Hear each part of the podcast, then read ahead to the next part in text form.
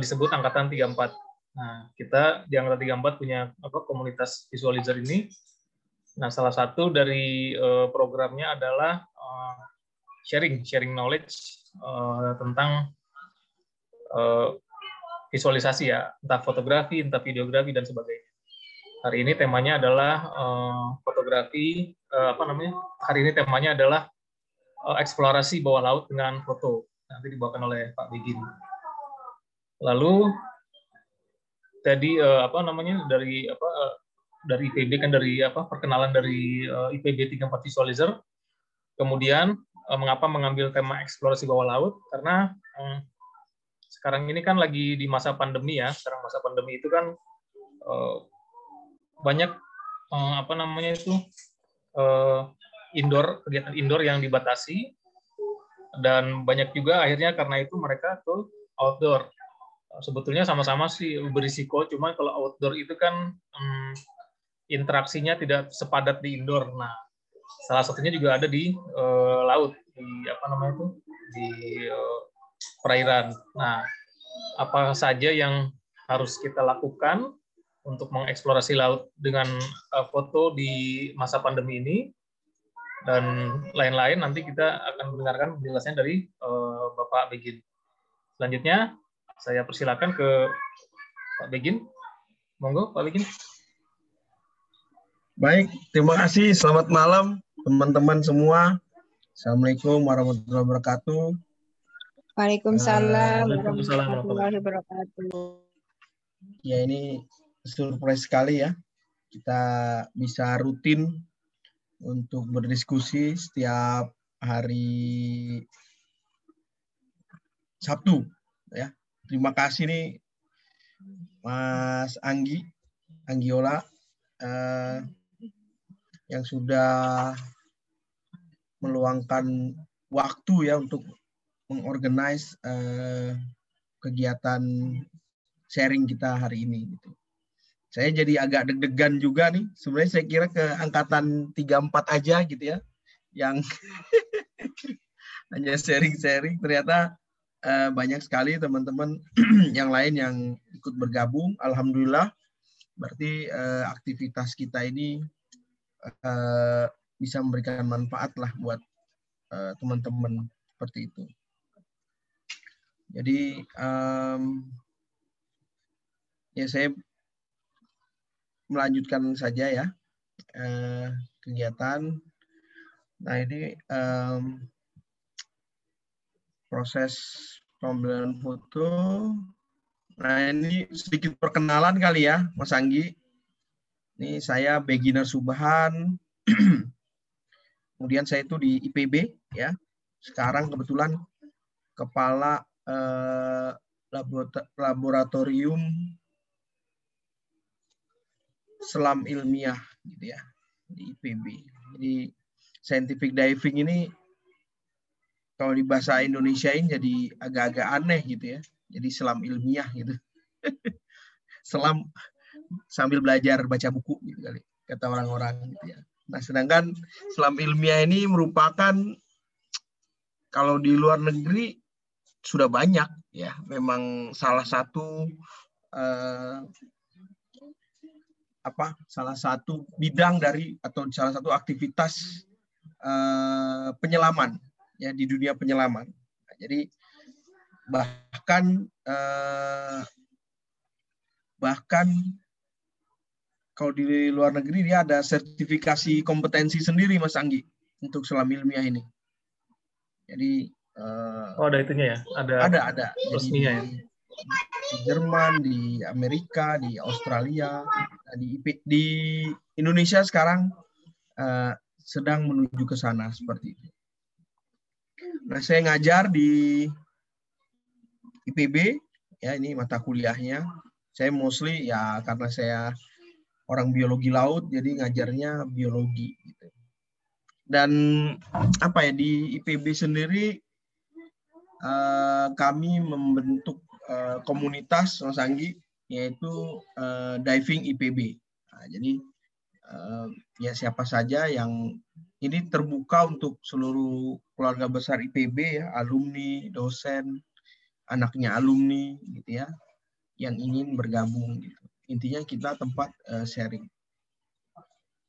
Nah, ini ya karena saya dosen banyak research ya, ini uh, macam-macam. Lalu untuk menggapai saya di dunia maya bisa lewat uh, kalau ini yang rada-rada saintifik ya. Ya intinya kata kuncinya beginner subhan, insya Allah tuh akan ketemu. Nah, beberapa aktivitas fotografi saya itu uh, di ya mostly aktivitas fotografi saya itu adalah untuk penelitian ya. Jadi uh, sambil penelitian sambil uh, mengambil foto. Nah, beberapa hasil fotograf foto-foto saya yang fokus gitu ya. Itu apa ya di ya dijadikan buku. Salah satunya eh, buku terumbu karang tulamben nah, jadi ada beberapa buku yang lain tentang eh, terumbu karang lombok terumbu karang banda neira lalu ada tentang eh, nudi branch ya. Ya alhamdulillah karena kami di kampus ini banyak yang bantuin ya jadi mahasiswa-mahasiswa kita ajak untuk sama-sama bikin buku. Jadi kalau bikin buku pasti rame-rame ya. Jadi lebih dari lima orang lah gitu. Ya karena memang semua orang berkontribusi. Dan inti dari buku-buku itu adalah uh, foto-foto Mas Anggi. Jadi semua uh, apa hasil-hasil survei, foto-foto biota-biota laut kami jadikan buku dan mudah-mudahan jadi apa ya referensi buat teman-teman gitu untuk uh, apa ya untuk belajar. Jadi target kami satu kali survei itu satu buku. Nah gitu. Ya alhamdulillah lah beberapa ekspedisi kami itu sudah jadi buku seperti itu. Jadi udah tiga buku sekarang ya? Sebenarnya kalau saya udah hitung hampir delapan Uh, 8. Jadi itu nanti iya. di dalam buku Cuma emang terbatas. Isinya tuh gambar, gambar apa misalnya ikan hiu paus, nanti ikan hiu pausnya itu dikasih keterangan apa dia hidupnya. Iya, betul. Jadi kayak field guide gitu ya. Jadi makanya kalau survei itu sekarang kalau dulu cuma foto underwater, sekarang udah ada foto drone-nya gitu ya, foto lain-lain. Jadi satu lokasi satu buku lah yang sudah itu ini Tulamben, uh, Lombok, ya. Kemudian yang itu Banda Naira, lalu ada Misol, ya.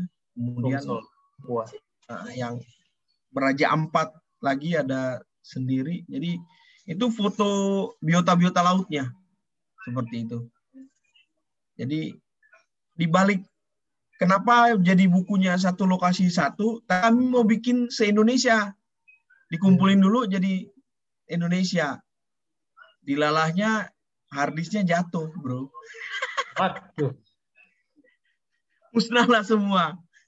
Hmm. Jadi daripada nggak ada hasil, setiap survei, tiap itu kita eh, apa bikin bukunya gitu. Paling nggak ya ada draft. Ini yang menyusul.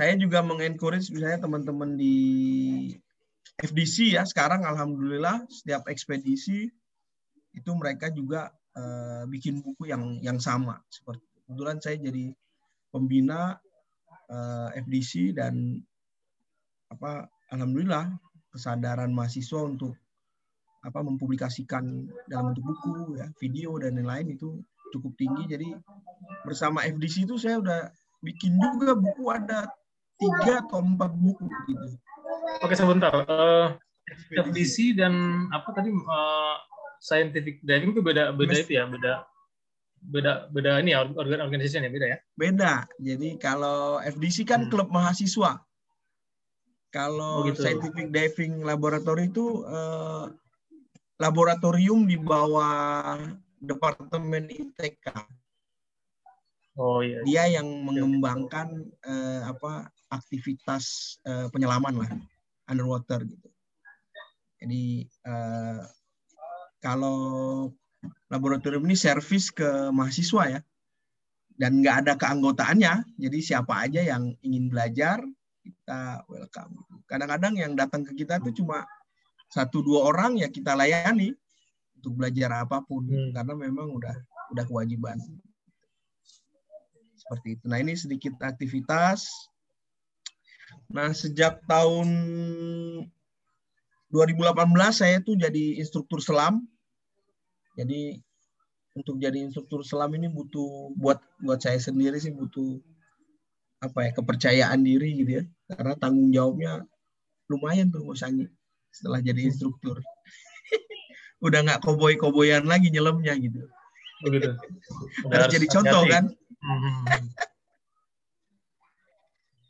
Oke, nah uh, saya bergabung dengan SSI dan uh, materi ini beberapa saya ambil dari uh, standar yang dibuat oleh Scuba School Internasional seperti itu untuk foto dan video. Nah, jadi sebenarnya foto dan video seperti yang teman-teman ketahui basically ya sama aja ya, secara teknis dan lain-lain sama. Bedanya adalah kalau foto itu diam, kalau video adalah gambar yang yang bergerak seperti itu. Ya, jadi selain bikin uh, buku, banyak juga dokumentasi-dokumentasi uh, dari kegiatan kami yang dijadikan uh, apa kami buat ke video juga seperti itu. Cuma kami bukan filmmaker ya, jadi kami cuma seksi dokumentasi, jadi urutan aktivitas aja gitu. Belum sampai ke level apa storytelling gitu ya. Nah mungkin juga bagus tuh Mas Anggi kita mulai belajar untuk bikin storytelling gitu ya yang yeah. bagaimana lebih memaknai uh, video dokumentasi yang yang kita punyai seperti itu. Ya, jadi kalau setelah apa, ini gitu ya. Hmm, jadi kalau setelah di syuting itu kan apa namanya tuh eh, banyak dokumentasinya, cuman mungkin jalan ceritanya belum ada gitu ya. Betul betul. Ya jalan ceritanya sebenarnya urutan kegiatan aja. Hmm. Datang, rapat, survei, ngambil data, udah itu aja. Jadi uh, sequencing uh, apa activity aja gitu. Makanya kami menyebut kami diri kami adalah seksi dokumentasi gitu. Bukan apa filmmaker gitu ya. Nah, jadi uh, itu. Nah, ada pertanyaan sebenarnya yang menarik ya buat kita semua. Apakah uh, untuk belajar untuk bisa mengambil foto underwater ini harus bisa menyelam gitu. ya enggak nah jadi sebenarnya cuma satu syarat untuk bisa ambil foto underwater ya kita bisa masuk ke dalam air gitu ya. Nah masuk ke dalam air itu ya bisa dengan menyelam gitu ya. Atau dengan apa sekarang orang udah bisa apa snorkeling gitu ya. Snorkeling. Itu juga uh, nah itu cukup gitu untuk uh, melakukan uh, underwater fotografi jadi beberapa aktivitas kami banyak juga kami lakukan ketika mengambil foto uh, itu uh, ya pakai snorkeling ya. Apa jadi nggak nyelam. Cuma memang uh, teknik snorkelingnya juga perlu dilatih misalnya gitu. Supaya stabil gitu ya supaya nggak nggak apa nggak cepet naik misalnya gitu. Jadi ada apa sih uh, adjustment adjustment juga yang yang perlu dilakukan. Jadi uh, sebenarnya untuk underwater fotografi ini uh, perlu didukung ya kalau dalam kursus selam itu yang namanya Eh, pembelajaran tentang perfect buoyancy. Nah, sorry ini istilahnya Apa itu? ini ya, buoyancy. perfect buoyancy itu kita kayak melayang gitu, Mas Anggi. Melayang di air. Jadi kayak ikan tuh, nggak ke bawah, nggak ke atas gitu. Dia benar-benar kita kayak uh, ya kayak ikan aja gitu. Nah, dengan, dengan peralatan selam yang ada di badan seperti itu. Iya, ya itu kita hmm. bisa latih tuh yang namanya perfect buoyancy itu.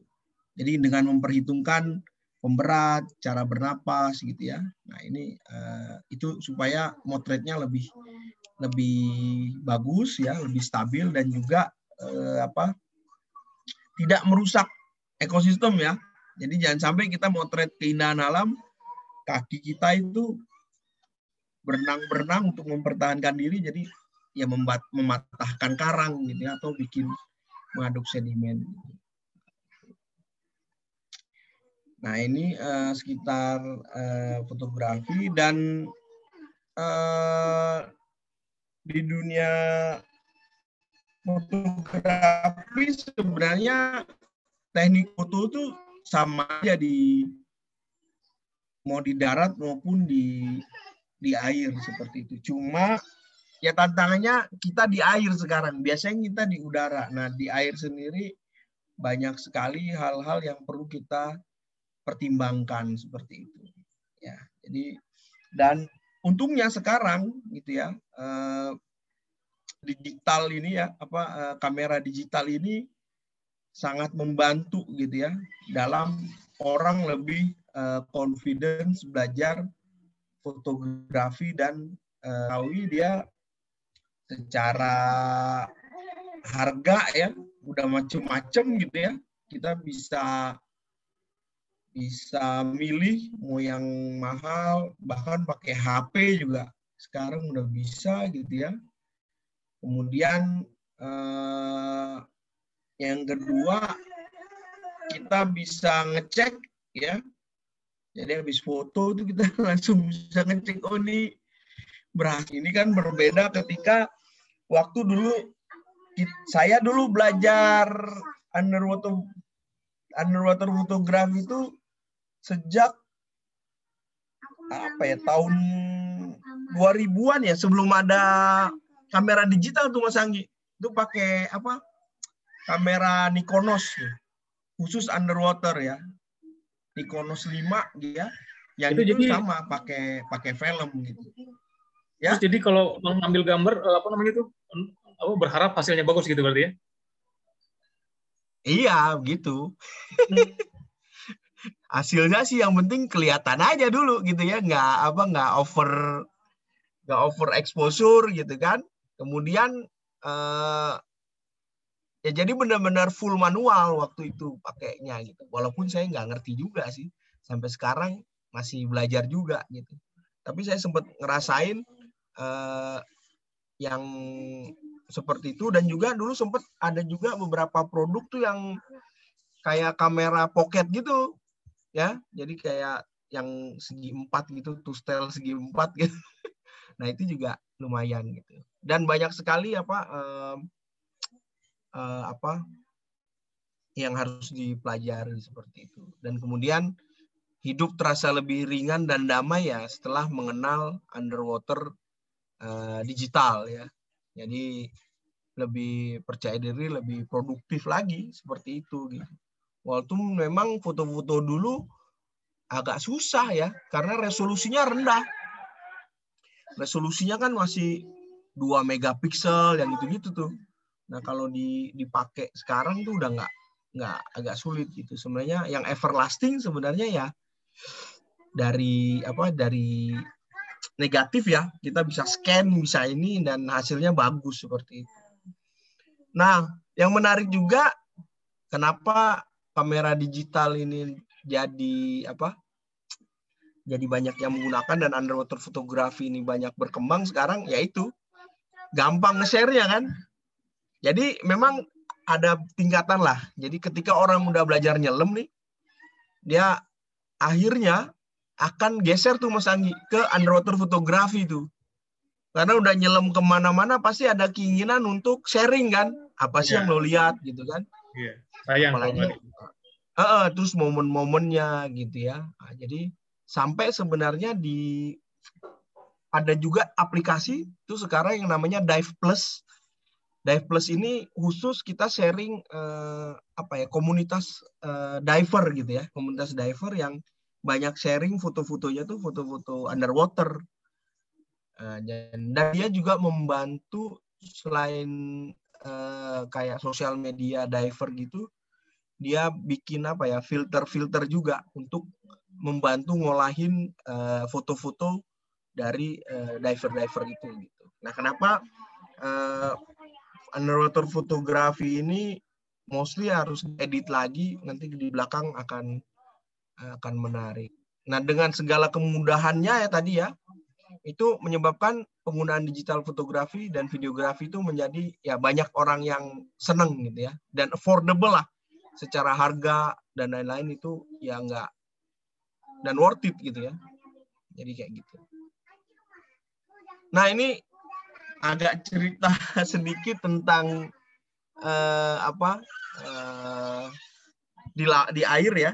Jadi di air ini eh, hal-hal uh, yang fundamental kalau kita fotografi di situ ada refleksi cahaya gitu ya.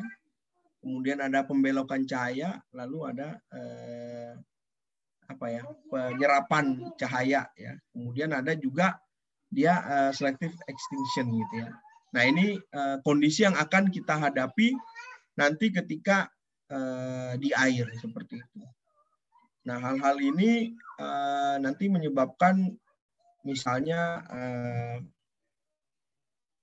apa ya tingkat kecerahannya berbeda gitu ya. Kalau daerahnya keruh gitu ya, uh, refleksi atau refraksi ini kita benar-benar harus melihat arah datang cahaya gitu ya dan apa uh, ya ini beberapa hal yang perlu dipertimbangkan. Nah selain itu uh, di air ya uh, selain itu di air laut ini yang menarik adalah ketersediaan cahaya teman-teman. Uh, Jadi uh, ketersediaan cahaya ini menarik ya. Jadi cahaya seperti kita ketahui ya daya tembus uh, cahaya ya uh, sinar tampak itu kan berbeda-beda. Nah, ketika di laut itu adalah cahaya merah itu dia mulai hilang di kedalaman uh, eh, 3 meter lah gitu ya. Di 3 meter itu cahaya di lautnya udah mulai uh, cahaya merahnya udah mulai hilang. Nah, jadi kalau atau uh, kalaupun kita pakai flash gitu ya, nah itu harus mempertimbangkan jarak tadi gitu. Nah, makanya di banyak sekali di belakang akan ada contoh-contoh ya. Uh, kalau kita kurang kurang cahaya dan lain-lain itu menyebabkan kualitas apa hasil fotonya berbeda. Jadi warnanya nggak utuh gitu. Nah itu yang pertama. Yang kedua juga eh, kaitannya dengan visibility gitu ya. Jadi daerah-daerah yang yang apa ya, yang keruh gitu itu visibility-nya akan rendah. Jadi daya tembus cahaya juga akan berkurang akan lebih lebih gelap seperti itu. Nah, jadi eh, kalau lebih jernih itu daya tembus cahayanya itu akan lebih lebih bagus. Tetapi tetap ya di bawah 3 meter ya kedalaman 3 meter itu warna merah itu hilang. Nah, jadi warna merah itu hilang. Jadi kalau kita snorkeling ya, kita snorkeling terus motret yang lebih dalam dari 3 meter yaitu eh, kita butuh tambahan eh, flash gitu. Nah, cahaya juga ini uh, makanya teman-teman um, apa pertimbangan untuk jadi ketika ingin motret itu kita harus sudah merencanakan tuh Mas Anggi. Ya, merencanakan kita mau motret wide angle apa makro gitu. Kalau di ada dua tipe lah yang paling banyak di ini karena kaitannya nanti kalau kita uh, wide angle berarti uh, yang pertama pertimbangan lensanya yang mau dipakai, kemudian kalau makro juga uh, tadi ya ketersediaan cahaya misalnya gitu. Nah itu juga. Oh uh, ini jadi apa? Ingat kalau kayak gitu berarti nggak bisa kayak di darat ya kita mau apa tiba-tiba pengen makro ganti lensa nggak bisa itu nggak bisa ya? Ya betul itu. Hmm. Jadi uh, ada kamera yang kayak gitu nih tapi ada juga uh, apa beberapa kamera yang bisa di underwater bisa ganti gitu. Oh, ada ada yang gitu. Ada. Jadi dia apa di luar dia tambahannya di di luar gitu. Di luar hosting ada gitu. Kayak apa sih istilahnya? Converter lah. Oh, tapi mostly sebenarnya sama lah. Nggak kayak di mana kita di darat kalau mau ganti ya ganti aja gitu. Kalau hmm. di laut rusak kameranya.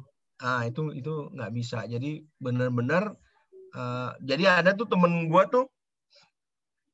Dia underwater photographer.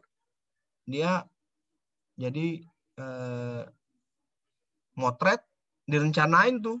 Dia tadi ke Tulamben tuh seminggu. Seminggu dia motret makro seminggu dia motret uh, apa uh, wide angle gitu. Atau kadang-kadang uh, juga gitu ya kayak gambling juga di bawah gitu makanya peran apa sih istilahnya uh, dive guide di sini penting gitu untuk menginformasikan oke okay nih dive site ini kita akan banyak uh, apa footage yang bagus itu adalah uh, wide angle gitu. Jadi tolong siapin apa lensanya wide angle gitu. Tapi kan masalahnya kayak gua kan biasanya mengeksplorasi ya. Jadi kadang-kadang nyelam di tempat orang yang nggak pernah diselemin gitu.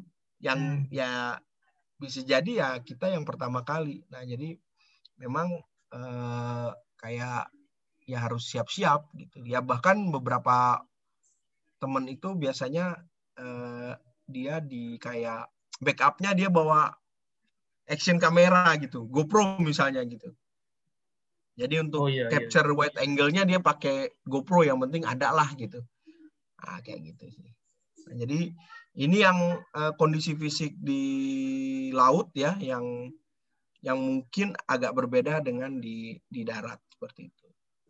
Nah, underwater ini juga sebenarnya eh, bisa juga nggak hanya di laut ya, di di darat juga bisa ya.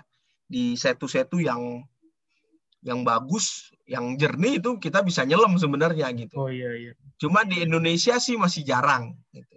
Setunya butuh. Makanya gue lagi ngomporin istri gue untuk belajar nyelam kan dia MSP tuh yang ngurusin danau-danau setu-setu untuk mengeksplorasi tapi lewat nyelam gitu. Jadi gue lihat ada beberapa setu atau danau tuh yang jernih gitu. Kalau di IPB nggak bisa ya di apa namanya sekitar IPB itu yang apa namanya danau LSI, LSI gitu nggak bisa ya? Kalau lagi jernih sih bisa aja, hmm. cuma jarang jernihnya kan. Hmm. Lebih aman gitu. Oke lanjut ya. Nah ini ya ini memang ada pertanyaan banyak kalau underwater gimana sih motretnya? Pakai kamera apa sih? Nah sebenarnya kamera underwater itu tipe kameranya sama. Ya mostly yang gue pakai adalah kamera-kamera yang eh, kamera umum yang kita pakai gitu. Ada dua tipe ya. Jadi secara ini yang compact digital kamera, lalu ada yang ya sendiri ada yang entry level ya, yang yang standar-standar aja, yang fitur-fiturnya nggak apa yang nggak uh, istilahnya yang yang yang belum pro gitu ya. Ada juga yang compact kamera tapi ya kayak sekarang lah gitu ya, compact kamera tapi pro gitu ya. Yang yang kayak gitu. Kemudian ada DSLR Istilahnya prosumer sempat ya? ngetren Iya, yang prosumer.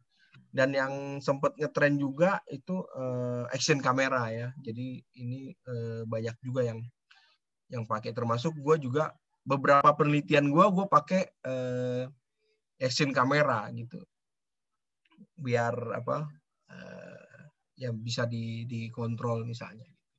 Nah sebenarnya kamera tipe kamera sendiri uh, sama ya, tapi ada juga beberapa uh, kamera yang uh, dedicated untuk uh, ya waterproof dan bisa dipakai uh, nyelam ya. Misalnya yang uh, Nikon yang kayak gini gitu ya. Ya, Ini kita bisa celupin uh, Coolpix, kemudian yang Canon yang D30 ya. ya uh, kemudian uh, Olympus ya yang tak lima atau apa gitu yang dia uh, bisa dia nggak perlu uh, apa nggak perlu uh, hosting gitu ya nah jadi ini tipe-tipe atau bahkan yang teman-teman ya pakai ini nih apa D40 itu ya yang ini dia di apa oh itu apa itu dikasih casing gitu, dikasih casing HP gitu ya. Oh, HP, HP, HP. Ah itu uh, bisa juga gitu. Kalau beruntung dan pas ya bisa dapat ininya uh, foto yang bagus kayak gitu. Nah, jadi uh, teman-teman juga bisa dan sekarang banyak juga ya hosting-hosting buat HP ya. Yang kayak gini nih, ini adalah hosting bawaannya gitu. Nah, ini kuncinya. Jadi uh, kunci dari under apa underwater kamera jadi kameranya itu uh, biasanya dikasih uh, hosting gitu ya hosting untuk pelindung lah untuk uh, melindungi kamera yang di dalam nah hosting ini sendiri macam-macam ada yang bawaan dari uh, kameranya ya jadi misalnya Canon dia bikin hosting buat Canon gitu Olympus dia bikin uh, hosting buat Olympus gitu. Tapi juga ada beberapa perusahaan, beberapa merek dia membuat uh, apa hosting yang uh, ya khusus perusahaan hosting lah kayak gitu. Jadi bukan bawaan dengan bahan yang lebih bagus dan apa ya uh, dengan stabilitas yang lebih oke, okay, lebih lebih oke okay daripada yang standar yang buatan dari uh, dari uh, apa kayak uh, produsen kameranya kayak gitu. Nah, jadi kadang-kadang uh, harga housing ini ya lebih mahal daripada kameranya. Karenanya karena inti dari intinya ya dari housing ini kan kalau hostingnya bisa berjalan dengan baik gitu ya dia bisa uh, apa motret. Nah, beberapa hosting sendiri dia punya ini Gi. Uh, leak ya leak apa sih istilahnya? Oh, Sensor kebocoran. Oh, iya iya. Nah, itu jadi yang harganya mahal sih gitu. yang yeah, harganya benar. mahal yang itu semakin mahal itu dia dia punya yang namanya sensor ini uh, bocor apa enggak gitu. Dan bisa apa ada mekanisme dia dibikin apa kedap jadi kayak diisep hmm. gitu di dalamnya dan dia uh, dibikin kedap gitu. Nah, jadi ada sensor leak. Uh, jadi sebelum turun kita udah tahu ini bocor apa enggak kameranya. Ya lo bayangin aja kan bahwa kamera yang kalau fotografer yang serius kan kameranya serius juga gitu kan. Yeah. Harganya bisa jadi kayak kalau bawa kameranya kayak mikul mobil Avanza gitu kan. harganya harga mobil gitu, Avanza. Gitu. Uh, uh, gitu kan mobil gitu ya. Nah jadi um, apa? Ya itu orang-orang yang underwater yang profesional lah gitu. Nah, jadi underwater hosting ini macam-macam juga. Ini yang dan dia tergantung tadi dia punya ini nggak uh, fish eye istilahnya gitu ya. Oh, fish eye. Jadi iya. kayak di depannya ini hal yang penting juga ya ini kayak matanya kamera underwater ya. Jadi orang paling takut nih kalau dia scratch nih. Oh, iya, iya. kalau udah scratch sudah berantakan tuh udah fotonya nanti gitu kan. Kalau yang kontras tinggi udah nggak nggak ini gitu. Yang si live juga tuh yang di depan ini kan ada lambang dive-nya tuh ya, yang iya, kamera iya. live. Hmm. Nah, ini ini dia uh, ya, ya sama nih hosting juga. Nah, kayak gitu. Jadi dia kalau motret underwater ya dia ada kameranya dan ada uh, hostingnya. Bahkan yang kayak Nikon ini juga ya, kayak Olympus ya, yang uh, tak itu, yang dia waterproof, disediain juga dia punya uh, hosting juga, so, untuk uh, ya lebih aman lah gitu.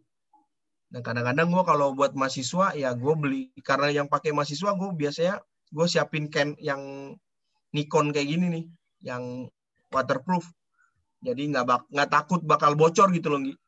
Yeah. Jadi ya walaupun ya banyak juga yang bocor juga akhirnya. Oke. Okay. Ya kalau udah bocor kan ya dari nothing we can do karena di dalam Iya lem, ya. lem biru. naik ke atas lagi. Lem biru udah gitu.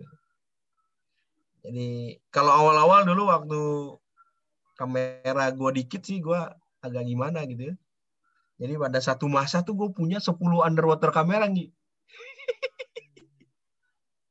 terus bocor gitu kan ya udah gue ketawa aja ya udah ganti aja gitu aja 10 underwater itu harganya satunya sekitar berapa? 6 juta 5 juta enggak yang yang gini nih yang Nikon Nikon gini nih yang Canon Canon ini. Tapi lumayan lah itu ya 3 juta juga 10 dari ya, juta tiga setengah jutaan lah 4 juta lah dia. Lumayan. Oke nah di laut tadi karena keterbatasan cahaya ya. Nah ya ini dia ini. Hilang cahaya kita eh, sebenarnya di di kamera sendiri ada internal flash yang bawaan kamera itu lumayan uh, powerful ya. Uh, kalau foto-foto jarak dekat kalau uh, apa ya tetap aja tapi kadang-kadang ya kurang puas juga kalau pakai yang internal itu. Karena arahnya dia satu arah ya, aja. Nggak bisa dibawa dari, dari depan gitu. Nah hmm. uh, biasanya orang juga pakai uh, eksternal Nah, eksternal ini ada dua, Nggi. Ada yang uh, kayak continuous ya. Hmm. Continuous. Ada yang uh, kayak ya flash gitu. Yang continuous ini kayak center lah. Ya. Ngebantuin kita untuk dapetin ya. fokus sebenarnya. Hmm. Kan kalau kurang cahaya, terutama yang buat yang makro-makro itu, sulit tuh dapat fokusnya kalau kita pakai eh, ambient, cahaya ambience gitu ya, cahaya hmm. lingkungan gitu. Nah, dia ada kayak eh, apa external flash ini strobe ya itu dia kayak center gitu nyenter uh, objek yang mau kita foto. Supaya kita bisa ngedapetin fokus gitu. Gam lebih gampang dapetin fokus gitu. Untuk objek yang kita foto.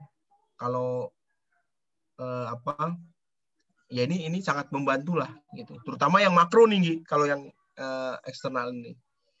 Iya yeah, makro. Nah, Eh, sangat membantu gitu.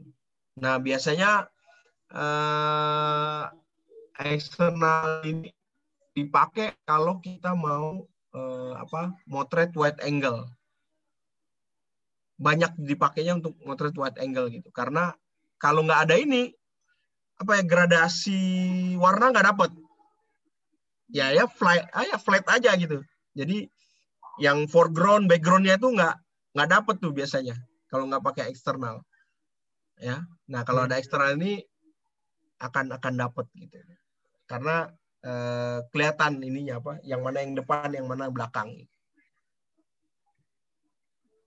Nah karena gua motret biota ya fokus satu karena buat buku ya. Misalnya ikan nih gue motret ikan ya gue fokus ikan aja sebenarnya gue jarang juga motret pakai external flash gitu. Atau misalnya motret karang gitu. Ya motret karang jarak dekat gitu ya itu eh, jarang gitu. Dan juga kadang-kadang males juga sih pakai eksternal ini berat soalnya. Bawa bawanya gitu. Berat ya? Ah maksudnya ya kalau serius tuh bisa bawa dua tiga koper nih buat underwater fotografi gitu. Hmm. Flashnya sendiri, kameranya sendiri, hostingnya sendiri gitu kan. Uh, ini sebentar, ini begin uh, 15 menit lagi ya. Setelah itu kita diskusi. Oke. Okay. Nah, uh, apa sih yang jadi uh, musuhnya dari underwater kamera? Yaitu tadi ya air, dia bisa bocorin, ya jadi uh, apa karang apa kameranya rusak gitu. Yang kedua eh, pasir. Ya, pasir ini tadi kalau pas kita set up eh, housing terus ada pasir tuh di apa istilahnya di pintunya itu di di apa sih tutup housingnya itu nah itu air bisa masuk tinggi dari situ oh gitu Nah, termasuk juga iya, tadi ya mineral dan sedimen. Jadi uh, kalau kita nggak bersih, ngebersihin uh, o-ring, dia ada o-ring di situ, ada o-ring di situ. Kalau nggak bersih masih ada garam-garam ya di situ. Dia juga bisa uh, membuat kebocoran di situ. Terus garam-garam dan mineral ini juga kalau kan karena housing dia pakai tombol tuh buat mencet-mencet ya uh, buat shutternya dan lain-lain dia ada tombolnya dan ada per biasanya. Dia sangat manual gitu. Nah garam-garam dan sedimen ini kalau sudah mengerak di situ itu apa sih kayak membuat pernya itu jadi jadi lambat gitu. Jadi yang gua rasa itu uh, apa pada kedalaman tertentu dia mencet terus tuh akibat tekanan. Dia nggak balik lagi. Jadi dia oh iya iya, iya. jadi kayak kita motret terus jadinya gitu loh ngabisin baterai ngabisin baterai dan nggak bisa kita kontrol. Hmm. jadi neken terus gitu. Nah ini uh, yang jadi masalah. Yang terakhir itu mechanical damage ini ya itu kebentur gitu ya. Scratch yeah. uh, ininya uh, domnya kayak di gambar ini scratch misalnya gitu. Nah, itu yang uh, jadi masalah. Nah pertahanannya itu tadi ya. Masalah di o-ring jadi ada o-ring nih di sini ya. Jadi eh, o-ring itu harus kita bersihkan gitu. Bersihkan dari pasir dan mineral gitu ya. Supaya dia nggak leak tadi. Jadi setelah dibersihin ya biasanya tuh sesudah dan sebelum nyelam itu dibersihkan lagi. Jadi sesudah nyelam kita hilangkan dari apa garam-garam. Kemudian sebelum dipakai lagi kita pasang lagi apa kita cek lagi dia garamnya udah nggak ada ada apa enggak kemudian supaya dia tetap elastis ya nggak kaku jadi ada ber...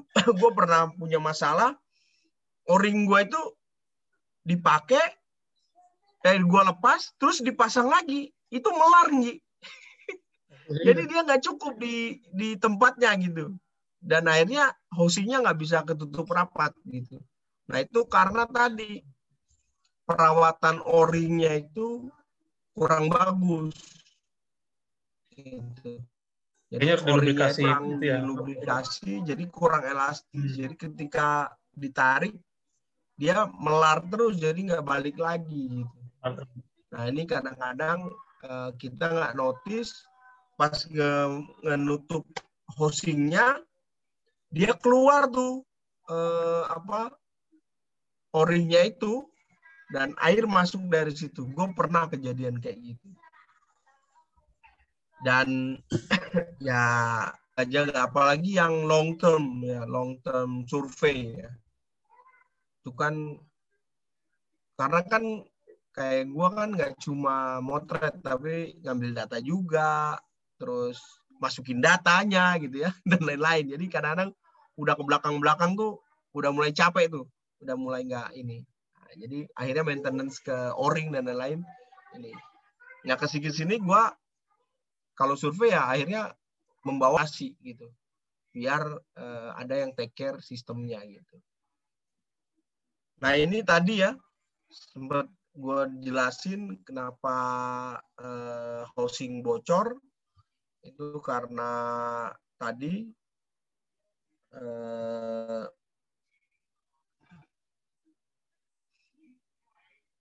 ada dirt gitu ya, kemudian uh,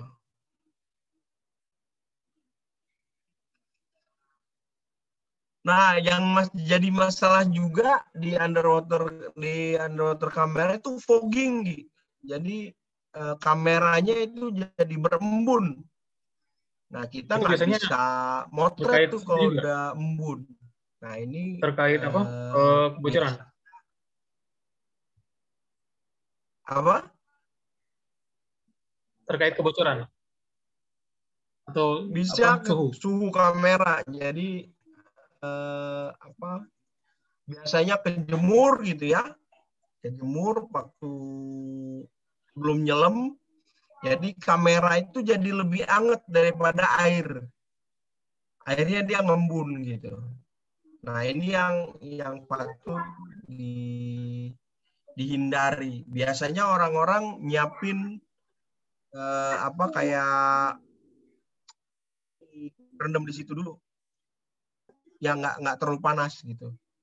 Jadi ketika nyemplung eh, suhunya nggak nggak berbeda gitu. Nah kalau udah fogging ya repot tuh. Untuk cegah fogging juga biasanya dikasih apa sih pengering gitu loh. kasih pengering supaya uh, apa ya nggak nggak lembab di di dalam seperti itu. Nah ini uh, ya tiap tiap orang tuh punya trik ya dengan kameranya masing-masing seperti itu. Kalau di ini kan kamera darat itu kan ada apa namanya rumahnya tuh apa sih namanya itu uh, yang suhunya diatur itu apa sih namanya dry box. Ya, nah, kalau di itu dry kamera underwater ada juga. Iya kan biasanya kita kalau mau nyelam itu kita udah setup dulu kameranya semua, Anggi. Dan nggak mungkin bawa dry box-nya gitu. Ada yang sih yang bawa dry box, tapi tetap yang berdasarkan pengalaman malah yang lebih aman kita siapin ember dengan air ya dengan suhu normal kita rendam di situ dulu. Nah, jadi hmm. biar suhu nggak nggak kejemur panas gitu supaya nggak Nah, ini ke teknik fotografinya. Jadi permasalahan di underwater itu tadi kan kurang cahaya tuh. Ya kan? Jadi eh, pengaturan white balance ini menjadi sangat penting gitu. Jadi untuk eh, apa? Kadang-kadang orang bawa ini loh, apa? White plate apa sih? Sesuatu yang warna putih lah, sabak apa kayak slate warna putih. Jadi sebelum motret dia koreksi dulu uh, white balance-nya. Oh iya iya iya. Koreksi karena kan tiap kedalaman itu kan apa sih cahaya yang masuk berbeda-beda tunggi. Nah, jadi dikoreksi. Habis itu baru dia motret supaya eh, apa warnanya itu eh, nggak nggak bluish atau greenish gitu, tergantung kondisi hmm. lautnya. Nah, kalau gue termasuk orang yang pengguna automatic weight balance. Jadi ya karena ya otomatis. Cuma memang uh, sebenarnya gini, uh, weight balance ini lo mau kerja di sebelum motret apa sudah motret sebenarnya. Akhirnya nanti ketika apa ketika sudah motret lo akan koreksi juga weight balance-nya gitu. Oh, gitu. Nah, jadi ada beberapa teman gua itu yang alirannya dia males ngedit. Males ngedit ya. Jadi dia bener jadi karena dia males ngedit, dia bener-bener setup kameranya gitu. Dia bener-bener setup motretnya gitu. Jadi istilahnya dia motret langsung jadi, jadi nggak nggak perlu di apa sih terlalu banyak ngatur-ngatur white balance dan lain-lain gitu. Hmm. Jadi ya seperti itu. Nah, jadi eh, ke sana kemudian karena tadi ini ya eh, cahaya yang berkurang tadi sebenarnya di underwater itu kuncinya di pencahayaan sih. Ya karena dia nggak ini. Makanya ada pakai apa? Eh, pakai strobe atau flash ya untuk eh, motret gitu. Jadi eh, mostly yang foto yang bagus-bagus yang warnanya apa eh, benar-benar terang dan ada gradasi ya jadi foregroundnya jelas backgroundnya jelas itu dia pasti pakai flash atau strobe dia nggak nggak mungkin pakai eh, underwater lah apa eh, ambience lightnya gitu nah, jadi ya, eh, cahaya alaminya nah, cahaya alami karena pasti pasti nggak dapet gitu. nah, jadi eh, itu bedanya. Ya bisa juga kalau cahaya alami ya tadi foto yang eh, di belakang eh yang lebih dangkal dari 3 meter kayak gitu. Nah, jadi eh, itu. Nah sebenarnya kalau teknik fotografinya sendiri ya sama lah. Jadi eh, apa teknik uh, rule of third misalnya gitu ya. Kemudian komposisi. Komposisinya, kemudian juga ada angle uh, apa sih angle-angle-nya, kemudian ada juga behavior ya, nangkep behavior gitu. Jadi secara teknis underwater ya fotografi atau uh, videografi uh, sama aja. Cuma di laut ini kan ada arus ya. Nah, itu akhirnya uh, teknik selamnya juga harus uh, tahu gitu. Dan mostly kan dia wildlife gitu ya. Jadi uh, sangat natural. Kita nggak bisa uh, apa uh, ngatur organismenya ini bakal gimana geraknya gitu. Nah itu yang uh, kita harus kadang-kadang uh, teman-teman ketika yang wildlife sama kayak lo lah motret ular motret apa ya mengetahui dulu behavior dari uh, apa biotanya yang mau kita foto gitu kan gimana cara approach-nya gitu ya kemudian eh, kapan waktu motretnya jadi ada ada jam-jamnya juga gitu misalnya kayak kayak lo mau motret Mandarin fish nih ah. ada Mandarin fish itu dia cuma ada menjelang maghrib gitu loh. Oh gitu. Keluarnya gitu. Gampang di fotonya. Habis itu dia hilang gitu loh. Kemudian kayak eh, mau motret. Kalau gue misalnya kayak gue mau penelitian ya. Penelitian tentang hiu paus. Terus hiu paus itu kan dia ada pattern ininya tunggi. Badannya itu ada titik-titik. Nah. Ini. Nah itu kayak fingerprint. Kayak tiap individu berbeda. Nah, jadi kita harus motret itu gitu. Nah, jadi untuk membedakan individu itu harus punya foto fingerprint itu gitu. Nah, itu juga oh. uh, pendekatannya uh, berbeda. Bagaimana cara approach uh, hiu paus gitu. Itu kalau ngeliat orang motret hiu paus gimana-gimana itu ya, yang gede segede gitu, bagus itu perjuangannya luar biasa tuh. Kalau kita newbie agak susah dapat uh, foto-foto yang bagus kecuali udah biasa gitu dia udah tahu pattern apa pergerakan hiu paus dia bakal ke mana gitu. terakhir gue kalau ya salah ada, salah bergerak di foto juga jelek jadinya ya iya betul jadi nggak nggak segampang yang kita pikirkan lah gitu karena dia nggak bisa kita kontrol dan ada attitude juga di uh, wildlife itu dalam underwater fotografi kita nggak boleh kayak ngasih makan gitu oh, terus iya, iya apa eh, me memprovokasi misalnya gitu ya. Nah itu eh, sangat dilarang gitu ya untuk kaitannya nanti eh, sustainability di sana gitu. Jadi eh, dalam lomba fotografi juga underwater itu nggak boleh tuh mindahin objeknya gitu. Lo lomba foto underwater fotografi, oh ini kayaknya dia dipindahin ke sini itu nggak boleh gitu. Jadi oh. harus benar-benar uh, natural gitu. Nah, hmm. challenge-nya kan di situ gitu. Sampai tadi eh, apa ya sampai ada pengawasnya. Tiap fotografer itu ada kayak LO yang ngawasin orang ini bener nggak pas ngambil foto gitu. Apa? Belum juga orang itu ya. AA gitu. Jadi dia yang eh, gitu. Jadi eh, underwater fotografi sih ke sana. Nah, ini contoh ya ini kesalahan-kesalahan ya.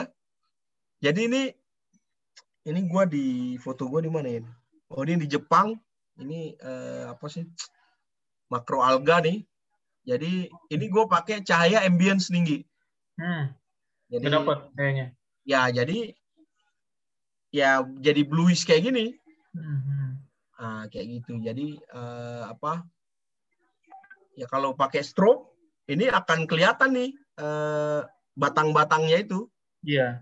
Kesorot. Nah, sorot gitu. Nah karena gue nggak pakai strobe, jadi uh, bluish kayak gini. Dan gue memang kayak menantang cahaya gitu. Memang sebenarnya mau ngeliatin dia kayak suasana. Sebenarnya ini suasana sedih nih. Kenapa? Uh, karena harusnya dia ada daun-daunnya banyak nih. Karena suhu terlalu panas, jadi dia rontok tuh daunnya. Apa sih kayak daunnya lah istilahnya. Nah, gitu. Jadi ini bukan hal yang baik juga ini sebenarnya kondisinya. Terus eh, foto yang di bawah ini eh, foto si eh, Dika nih, eh, adik kelas gua. Ini ini karena pakai apa? Flash tadi. Ini hiu paus toh? Hiu paus ya, hiu paus ini di kali sayang kalau nggak salah.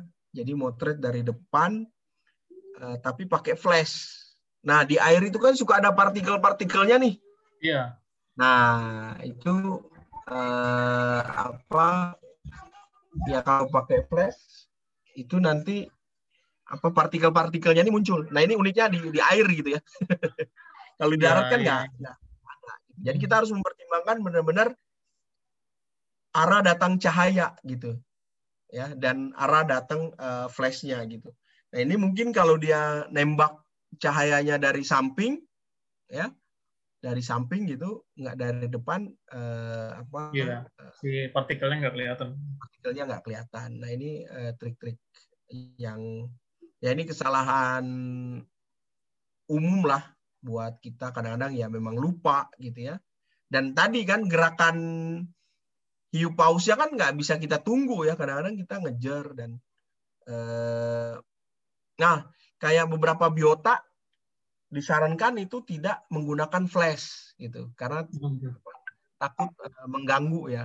Karena kan mereka ini kan hidupnya di air laut dengan apa ya ya kayak kita lah ya kena flash. Bayangin nih dalam sehari itu mungkin ada berapa orang fotografer tuh yang motret dia gitu kan semua iya. pakai flash gitu kan gimana nggak siwer tuh matanya gitu kan hmm. nah jadi uh, hal hal yang seperti itu juga perlu dipertimbangkan uh, untuk motret gitu. Ya sebenarnya di motret motret wildlife juga sebenarnya aturannya sama gitu ya. Jadi flash dan apa tidak menyentuh misalnya gitu ya itu juga perlu diperhatikan gitu. Nah ini uh, peneliti apa beberapa oh, ini penelitian penelitian penelitian gua gitu ya. Jadi ini uh, banyak yang tajam Iya gitu. Jadi nah ini misalnya yang agak dekat ya. Nah kalau underwater semakin dekat kita akan semakin dapat yang yang tajam ya. Jadi memang disaranin kita ngedeketin tuh. Nggak pakai apa sih zoom zoom. Iya. Zoom in zoom out gitu. Yang pertama eh, cenderung lebih mudah ini loh apa eh, shaking ya goyang gitu ya kalau di air apalagi ada arus gitu ya pasti goyang gitu jadi kalaupun mau motret sedekat mungkin objek yang mau kita foto gitu nah ketika udah dekat ya berarti apa ya kalau di underwater kalau kamera kan ada yang makro tunggi iya yeah. set jadi misalnya foto yang kanan nih gue setup untuk pakai uh, makro gitu loh jadi ukuran karangnya ini umpan ya yang kanan ya yang kanan ini ya artificial reef ya artificial oh. reef di Wakatobi gitu. Nah jadi ini eh, apa karang-karang yang naturally eh, apa yang secara alami dia menempel di situ dan tumbuh gitu. Nah, jadi eh, ini masih mungkin tiga empat ya 3 sampai 5 cm lah ukurannya. Jadi kita eh, foto yang dekat. Nah, kalau yang ini ini wide angle ini dangkal ini ya kelihatan ya. Jadi ya, warna kuningnya dapat gitu. Hmm. Nah kalau ini udah agak dalam, nah, pakai ini semua natural light karena gue yang pertama eh, males bawa bawa strobe berat gitu ya. Hmm. Dan apa? Hmm, ya pokoknya repot kan. repot bawanya karena kan sambil penelitian gitu ya. Lu kalau lihat yang di tengah ini ada transek tuh. Oh garis, iya. iya Nah, hmm. itu kan gua ngambil ini sebelum gua ke Transek itu Ngi. Wah, ini ada objek bagus nih transplantasi karang tapi yang apa sih yang nggak sukses lah ya ini. Beda dengan yang kiri kan. Apa ini apa yang di ini Bahan banyak apa? Kayak kayak apa? Ini beton. Kayak, oh, beton. Terus dikasih dikasih apa? Uh, jadi kayak apa sih nanam karang lah ini sama-sama nanam karang ini jadi yang kiri sukses, yang kanan nggak sukses gitu. Nah, jadi uh, pas gue turun, oh, ini ada yang menarik nih. Ya gue foto dulu, habis itu baru uh, yang ambil data di sini gitu. Jadi apa ya? Ya kayak gitu aktivitasnya. Nah kemudian yang ini tadi ya. Nah, ini ikan eh, parasit. Nah ini yang uh, ikan parasit ya, ikan apa sih remora ya yang nempel di uh, apa di hiu paus gitu. Jadi kita harus uh, deketin. Nah ini tadi yang gue bilang ada pattern-patternnya ini ya. Nah ini kalau ini kan rada, rada agak hmm. jauh nih nggak nggak kelihatan. Nah sedangkan kalau yang sebelah kiri bawah ini, kalau yang uh, deket dia bisa lebih kelihatan patternnya gitu. Nah, terjadi motret underwater ya tergantung tujuan lo mau mau apa nih gitu. Tapi memang mostly sih yang paling aman motret underwater itu ya makro, jarak dekat gitu. Iya. Itu yang paling aman gitu. Ya jadi eh, kalau wide angle ya berarti lo harus nyapi tadi kalau mau dapat yang bagus ya terusnya lu bawa gitu ada apa external flash biar biar dapet dan eh, apa sesuatu yang dramatis kayak gitu. Nah ini beberapa eh, foto-foto penelitian gua gitu ya. Ini mostly ya memang makro ini yang di bawah ini ini foto karang nih. Itu karang itu. Ya ini warna-warni nih. Hmm. Yang ini yang mau diekspor gitu ya. Kemudian ini eh, ya bentuk-bentuk karang lah yang love. Nah ini yang ini kedalaman berapa ya kemarin gua mau- 25 nih. Hmm. Jadi warna biru biru biru banget. Jadi Itu kayak ikan lele itu, bukan ya? Ya ini kayak Gitu. ikan lele, ikan Sembilang. sem- apa sih? Sembilang, sembilang, Sembilang. Hmm. sembilang. Jadi dia dia ada kayak artificial reef gitu di dalam, dia pada ngumpet di situ gitu. Nah ini wall ya, yang di tengah ini wall di Manado. Jadi ikan-ikannya banyak. Ya karena gua nggak pakai flash ya begini hasilnya. Cuma sebenarnya foto ini cuma mau nunjukin eh, ini wall gitu. Nah ini bagus bisa dapat itunya pencahayaannya. ya karena kayaknya masih rada dangkal gitu. Nah, ini unik nih yang dari angle bawah banget. Ini dari bawah. Nah ini eh, jadi siapa nih Estra dan suaminya kalau nggak salah. Extra di Pari. Iya ini di di Bunaken. Jadi lagi nunggu apa ini ada pelampung gitu ya. Nah jadi, nah ini gue motretnya yang satu dua tiga foto ini gue motretnya snorkeling nih. Hmm, snorkeling. Ya nggak pakai eh, apa scuba gitu. Nah ini foto yang paling kanan nih Hawis dia lagi kayaknya gue sama dia saling motret nih. dia motret gue, gue motret dia. Nah ini di Bunaken juga. Di eh, apa? Nah sebenarnya kalau motret akhirnya underwater gue lebih ngejar ke komposisi. Ya. Kalau sekarang kan pakai ini aja apa? eh, yang raw aja ya, motret raw aja nanti untuk ngedit-ngedit lebih lanjut bisa ya lebih aman lah gitu ya. Yang overexposure dan segala macam itu bisa kita kita handle gitu buat ngeditnya. Nah terus ini yang di tengah ini ini foto penyakit karang. Oh, itu. Ini namanya tumor. Wah, tumor. Ya, jadi eh, istilahnya growth anomali. Harusnya dia warna yang sama dengan sekitarnya yang coklat-coklat ini kan. Nah ini dia jadi Hmm. eh, warna putih gitu. Nah ini kebalikannya ini yang yang sebelahnya sebelah kanan ini ini karang juga tapi di apa ya di invade diserang oleh yang namanya spons ya. Oh, yang hitam-hitam itu ya. Yang hitam-hitam ini namanya black death spons. Jadi kalau udah terserang oleh ini ya mati dia gitu. Hmm. Tadinya gua kira ini tumor juga Hmm. ya karena lebih mirip tumor lah hitam lah ya daripada yang putih gini ya ternyata ini adalah eh, spons jadi ini sebenarnya tipikal-tipikal foto-foto gue ya yang kayak gini Gi. jarang yang apa yang artistik yang gimana gitu loh Tapi ini Jadi- bisa diolah storytellingnya eh, eh, ketika mereka sudah mulai merajalela itu bisa merusak terumbu karang atau enggak ini juga jadi menarik. Iya betul betul. Karena uh, gua sebenarnya lagi lagi penelitian untuk eh, mengumpulkan data tentang penelitian-penelitian penyakit karang di Indonesia. gitu. Nah ini koleksi foto-fotonya. Jadi kalau aktivitas gua sendiri mostly ya dekat dengan eh, penelitian lah. Gitu.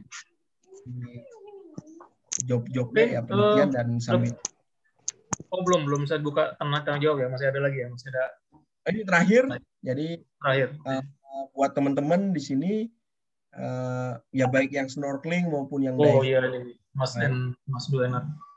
beberapa attitude ya yang yang perlu kita lakukan, yang bisa kita lakukan, yang boleh dilakukan dan tidak selama menyelam. Yang pertama eh, kaitannya dengan fotografi yaitu respect marine life ya.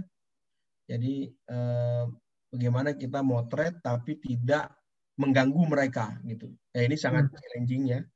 Jadi misalnya nggak megang-megang, nggak geser misalnya gitu.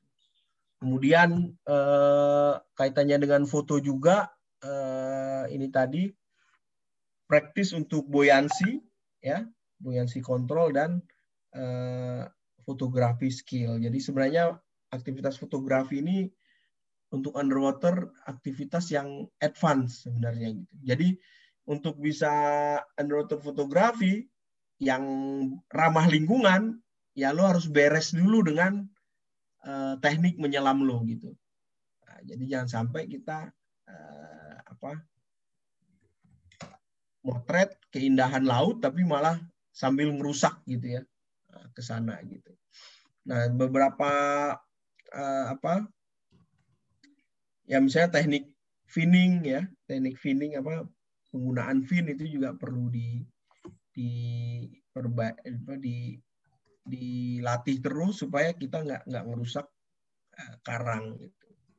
Dan beberapa attitude ya yang tidak boleh yang sering banyak dilakukan itu misalnya ngasih makan ikan gitu ya supaya gampang difoto gitu ya. Terus juga uh, misalnya kita apa uh, motret pakai flash misalnya gitu. Terus tadi yang ngambil buang sampah misalnya. Nah, jadi ini eh, beberapa attitude yang perlu kita lakukan selama kita di di air gitu supaya ya kita respect lah dengan nature dan kaitannya juga dengan uh, sustainability.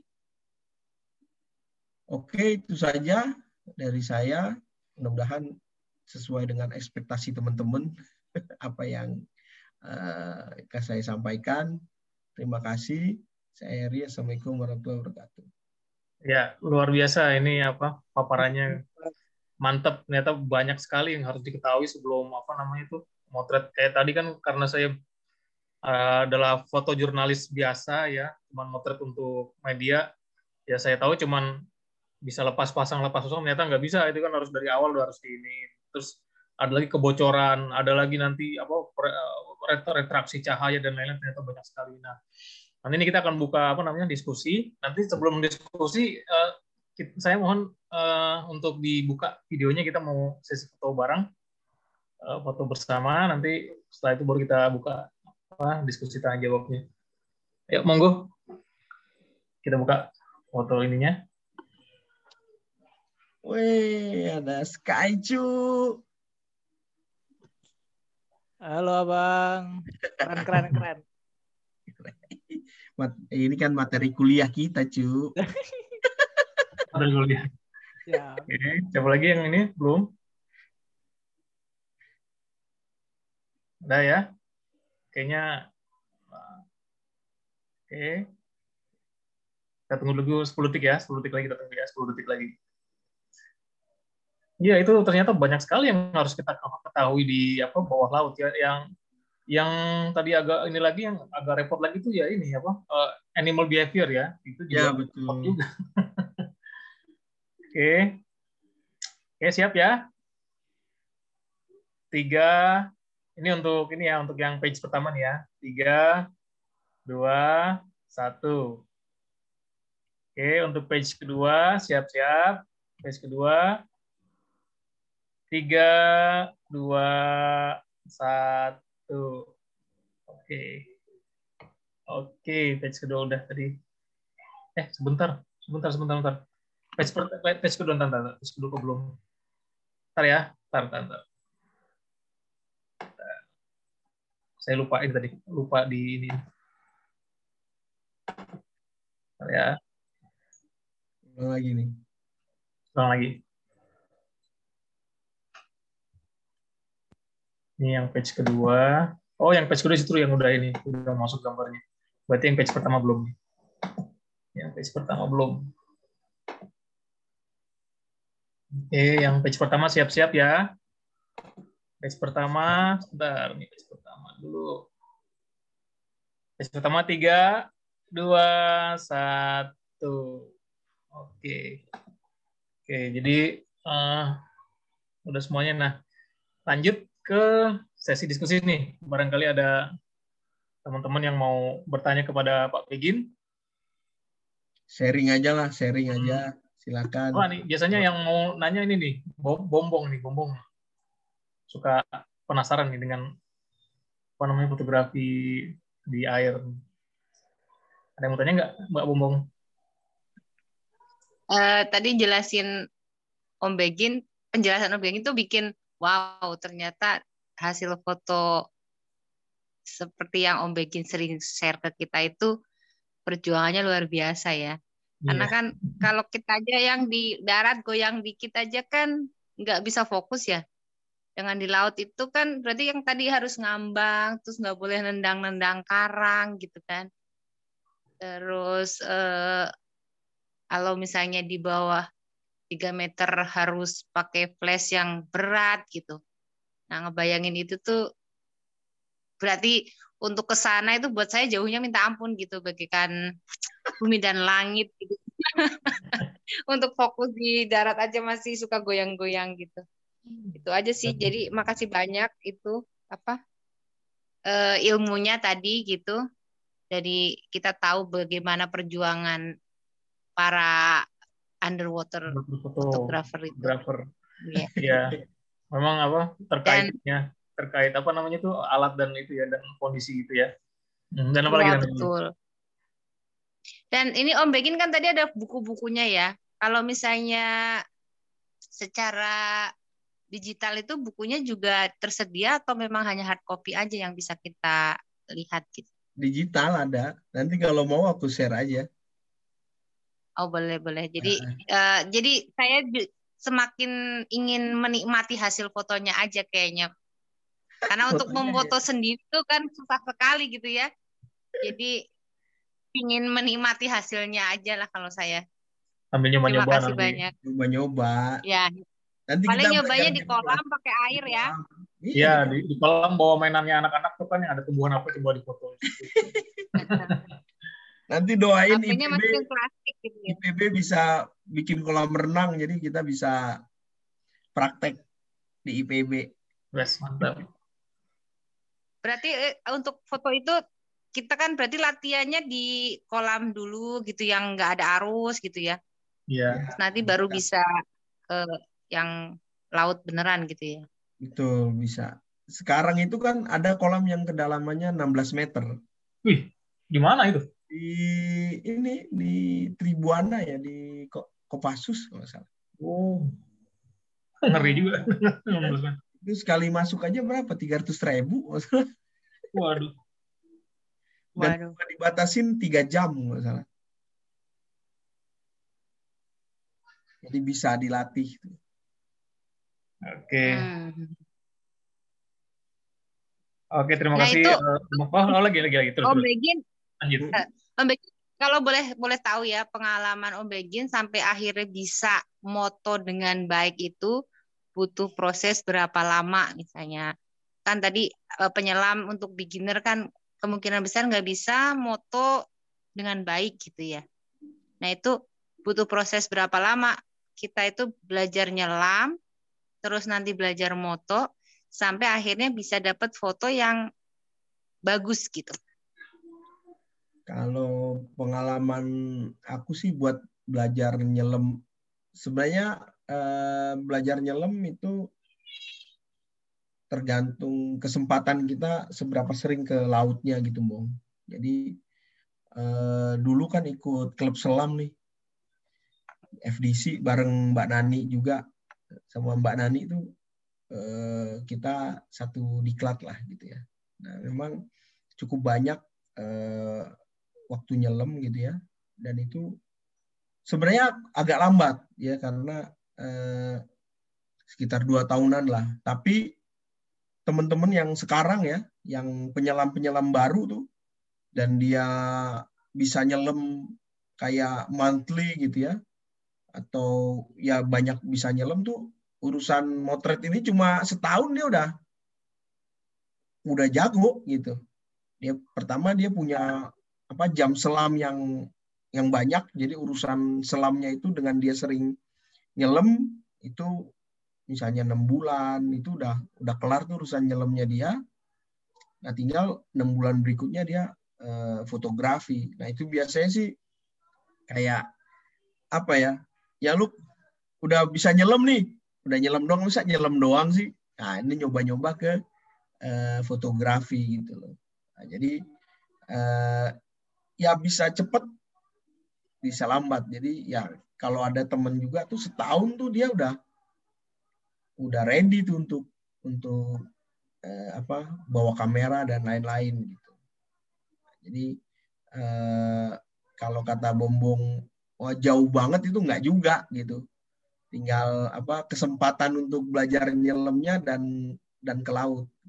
Nah, itu sih yang yang jadi apa ya bisa mengakselerasi kita juga. Gitu. Nah untuk dulu kenapa kita lambat karena akses ke kamera oh susah gitu loh. Jadi untuk bisa bawa kamera itu sama senior tuh harus kita benar-benar firm bahwa bisa nyelam gitu loh. Bisa oke okay nih kamera selamat nih bareng lo gitu loh. Nah sekarang kan kamera nggak se ya banyak pilihan lah gitu ya. Banyak pusat uang dan apa bisa diakses gitu. Jadi misalnya kalau kita ke ke mana? Ke dive center ke beberapa lokasi penyelaman mereka nyediain juga penyewaan kamera gitu Hmm. nah jadi kita nggak harus punya kamera untuk uh, belajar fotografi gitu loh. Jadi kita bisa sewa kamera di sana gitu ya sambil sambil belajar. Jadi uh, artinya sekarang itu lebih mudah gitu. Termasuk kayak mahasiswa-mahasiswa gue ya gue suruh belajar gitu untuk apa, uh, kamera. Jadi makanya tadi kan kamera gue ada berapa 10 tuh banyak bocornya ya karena gue nggak apa-apa bocor yang penting mahasiswa gue bisa bisa motret gitu loh artinya dia udah biasa. Kan kepentingannya buat gue juga gitu. Lu penelitian coba ambil kamera gini apa potretin ini gitu kan. Kalau dia nggak bisa kan pala gue puyeng dong. Kalau dia jago kan eh, apa yeah. dosennya bahagia kan. Iya, terbantu tidak tidak langsung. Secara langsung malah. ini. jadi kayak apa ya investasi gitu. Nggak apa-apa nih kamera bocor gitu atau apa gitu. Nah, jadi eh, beda lah apa eh, sekarang eh, apa pendekatan belajarnya itu lebih mudah dan difasilitasi gitu. Jadi kadang-kadang mahasiswa di challenge juga takut. Wah takut ngebocorin bang gitu gitu ya lu pakai sampai bocor deh saya bilang gitu. Yang penting bisa gitu kan. Jangan sampai barang-barang ini nggak nggak bisa dipakai. Ya udah, pokoknya mumpung dosanya asik gitu ya. Iya mumpung gua ada duit juga waktu itu kan untuk beli kamera kan Oke, ini dari bom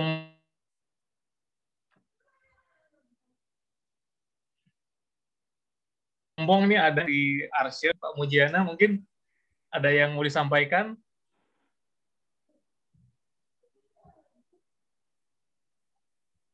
lagi itu unmute eh, belum mute. Ya, ya, ya. Ya. Ya, terima kasih. Pak. Saya itu anu eh, kebetulan eh, mengajar teknik pengelasan ya. oh Eh, teknik pengelasan itu kan ada yang underwater wet welding gitu ya. Eh, cuma saya sendiri tidak bisa menyelam oh gitu ya. Cuma ingin tahu aja ya. Ingin tahu kalau saya sebagai dosen, saya di teknik mesin UGM. oh Mesin UGM Oh, Ini GM. kan bisa mengarahkan mahasiswanya, kalau mahasiswa saya itu bisa diving, buat coba belajar sambil mengelas di dalam air gitu loh. oh Jadi kita mengarahkan ke mahasiswa. Nah, eh, kalau ini kan mutret ya. Kalau Iya, ini ngelas, karena ngelas di di bawah eh, di dalam air itu kan eh, juga tidak mudah. Jadi kan banyak pipa-pipa gas yang di bawah laut itu ya. kalau bisa menyelam kan katanya ya katanya eh, satu hari menyelam itu bisa untuk hidup satu bulan katanya jadi memang anu ya eh, bayarannya tinggi ya bayarannya tinggi itu satu Betul, Pak. hari kelas di bawah air atau eh, bawah laut ya itu eh, bisa untuk hidup satu bulan ya, gitu ya.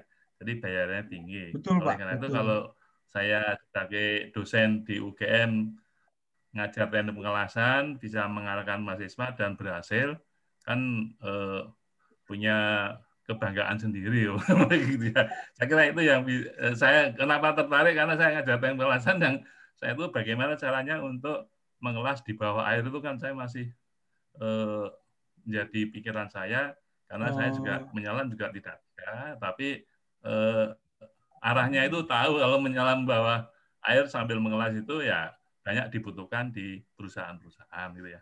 Saya kira itu yang kenapa saya tertarik ikut karena di situ ya. Ya. Eh, Terima Siap, kasih ya. Terima kasih Pak. Oh, Pak Mujana dari UGM nih, Iya, dari iya, iya. Jogja ya. Dari Jogja ternyata ikut ke sini. Ya, saya ikut UGM. Oh, iya, iya. Ya, saya dulu pernah anu kursus bahasa Jepang di IPB 40 Oh, hari. gitu. Wah, Yang anu di itu dermaga itu ya. dermaga ya Pak. Dermaga. Yang dulu anu eh, tahun tahun 88, Pak. Waduh, Oke, Jadi 88. sekarang sudah belum masuk ya. Dermaga kayak Sekarang apa itu pensiun tapi 88? masih Oh, saya udah lama enggak sana. Dulu kan tahun 88 ya masih ya sederhana lah. Sederhana. Banyak hutan. ya, ya sekitarnya masih hutan. Betul, betul Pak. Ya, ya. Ya, terima kasih Mas. Ini saya jadi punya bayangan kalau eh, mau terbit bawah air itu karena saya juga pernah eh, pelatihan apa itu pemandu wisata Oh, kan namanya Pak Cah Pak Cahyo ya. Cahyo. Pak Cahyo yang dari Jogja itu saya tahu ya Mas. Ya, tahu ya Pak. itu kan badannya tinggi besar eh, dadanya itu lebih lebar daripada lebar kaki gitu lah. Kena penyelam ya. Mas Cahyo Alcantara ya? Hah? Cahyo Alcantara. dia, dia memberi memberi eh, is- eh, isi instruktur untuk anu ya eh, sebagai pemandu wisata kalau wisata Iya. alam kan eh, bisa di, Betul, di, betul. di air menyelam itu ya Eh, iya ya Betul. itu kan dia badannya itu besar tinggi eh, dadanya lebih lebar daripada lebar kaki gitu ya Lebar Iya, kaki betul gitu ya. Pak. Waduh, sterk banget. betul loh Benar, benar. ya dadanya Saya pernah ketemu Mas Cahyo itu. lebar kaki gitu. Saya pernah ketemu beliau itu Ya. pas dia bagus juga itu Gimana? uh, video underwaternya. Jadi footage-footage-nya. Dulu Iya, bantuin. saya anu ya di, diberitahu. Saya ikut tahun 2014 ya. Oh iya iya. Jadi iya. untuk di Yogyakarta itu kan eh, anu yang diunggulkan kan edukasi, pendidikan dan pariwisata. Sehingga saya ya bergerak kalau bisa bergerak kedua-duanya. Jadi untuk ini saya sudah pensiun bulan ini eh, maunya Oh. nanti penekanannya ke pariwisata. Eh, jadi tua-tua itu ya kalau ke pariwisata kan nanti banyak dolanya gitu ya. Ya, betul Yang Pak. mikir yang mikir tapi tidak terlalu dapat izin guna gitu. Gitu itu. ya. Ya, ya. Terima kasih loh informasinya ini eh, eh, kalau saya belum lama ya fo- foto pada saat proses pengelasannya di foto tapi kan di darat ya. Iya, iya, darat pakai betul. video ya. Ya ya ya. Oke. Eh, terima kasih Mas. Ya, Terima kasih. Ya, terima kasih. Ya, Ya. silakan Pak Begin. Terima kasih Ya. Pak Mujana ya. Iya, jadi eh, kalau underwater apa welding ya, itu kalau di istilah selam istilahnya technical diver. Jadi sertifikasinya juga itu ada di Kemenaker tuh, Pak. Jadi eh, apa standar jadi bisa jadi teman-teman yang eh, bisa welding nanti eh, bisa belajar di sana gitu. Mungkin Bapak juga udah udah Ya, tahu. Kemen- Kemenaker di kalau belajarnya di di di, di daerah mana? Di Di Jakarta, Pak. Jakarta. Di Jakarta ada, Pak. Oh ya ya. Ya, jadi Ya ya. ke sana tapi kayaknya tetap juga eh, harus sertifikasi selam dulu, Ya ya. yang sertifikasi selam dulu gitu. Dan memang peralatannya lebih lebih aman sih sebenarnya. Ya, ya, Lebih ya. Aman karena kan harus bekerja. Jadi dia bisa nanti komunikasi langsung dengan di atas gitu ya. Kemudian ada kameranya di di di apa? Ya, ya. Di Ya, ya, ya, ya, ya. gitu. Ya. Jadi itu memang bayarannya Jadi ada yang itu, Pak. ada yang memadu di atas ya. Iya, betul. Jadi bulan lalu tuh Ya, teman saya mahasiswa Jadi teman saya bulan lalu itu baru ikuti apa Ya. yang eh, technical diver seperti welding itu, Pak. itu. Welding, Pak. Salah satunya Welding, welding, ya, tapi Ya, ya. bisa juga nanti eh, inspeksi ya, Pak, inspeksi bawah laut. Saya bisa. Jadi anu, pipa-pipa bawah laut itu Ya. kalau ada kerusakan itu dideteksi dulu, nah, nanti kapan harus diperbaiki itu kan Betul, bisa dilakukan. betul. Ya, Betul. ya, ya, ya. Ya. Kalau itu masuk dia kan divisinya marine tuh, Pak. Oh, Merin ya, ya. Iya, marine. Kalau kami ini yang scientific diving itu biasanya masuknya enviro. Oh, enviro, Kerjaan- eh, lingkungan. kerjaan Oh, lingkungan. ya. Iya, ya. gitu. Ya, ya. Jadi eh, teman-teman Merin itu ke sana gitu. Ya. Itu sih Pak informasi. Ya, ya. Ya, nanti kan anu ada mahasiswa yang pinter anu menyelam terus nanti kan bisa saya biasanya ngarahkan udah kamu mau ikut welding underwater welding ya sehingga Ya, nanti betul Pak, betul. eh, bisa ya, pendapatan yang besar gitu loh. Karena Iya, itu luar ada biasa itu. pernah di UGM juga ada. Iya ya, di UGM juga pernah ada satu itu anu kamu anu ya eh, pelatihan untuk underwater welding termasuk saya juga ngajar di UMY Muhammadiyah ya. Oh. Itu juga ada salah satu saya mau ikut kursus pengelasan di Jakarta. Oh silahkan, pokoknya kuliahnya ditinggal dulu enggak apa-apa. Oh, iya. Kampus Merdeka sekarang. Ya kan kan itu kan kan kuliah kan nanti tujuannya kan untuk mencari pekerjaan kan. Nah, ini Betul, sudah betul. jelas peluangnya kalau lebih besar ya. Ini saya kira itu harus Betul, betul. didahulukan gitu aja ya. Cocok itu Pak. Ya, Iya Pak, iya Pak. ya, ya. Ya. Ya, ya, terima kasih ya Mas. Ya, terima kasih. Oke. Oke. Oke, ini selanjutnya ada pertanyaan dari eh, Mas Arsya nih, Bang Arsya nih. Air laut dan danau kan beda. Nah, efeknya ke fotografi bawah air itu apa? Gitu. Pertanyaan dari Mas Arsya. nih. Nah, ini menarik. Eh, kalau jadi eh, antara danau dengan laut sih sebenarnya yang tetap ya, tetap eh, faktor utamanya eh, apa pencahayaan tadi gitu. Ya, dan juga apa eh, sedimentasinya.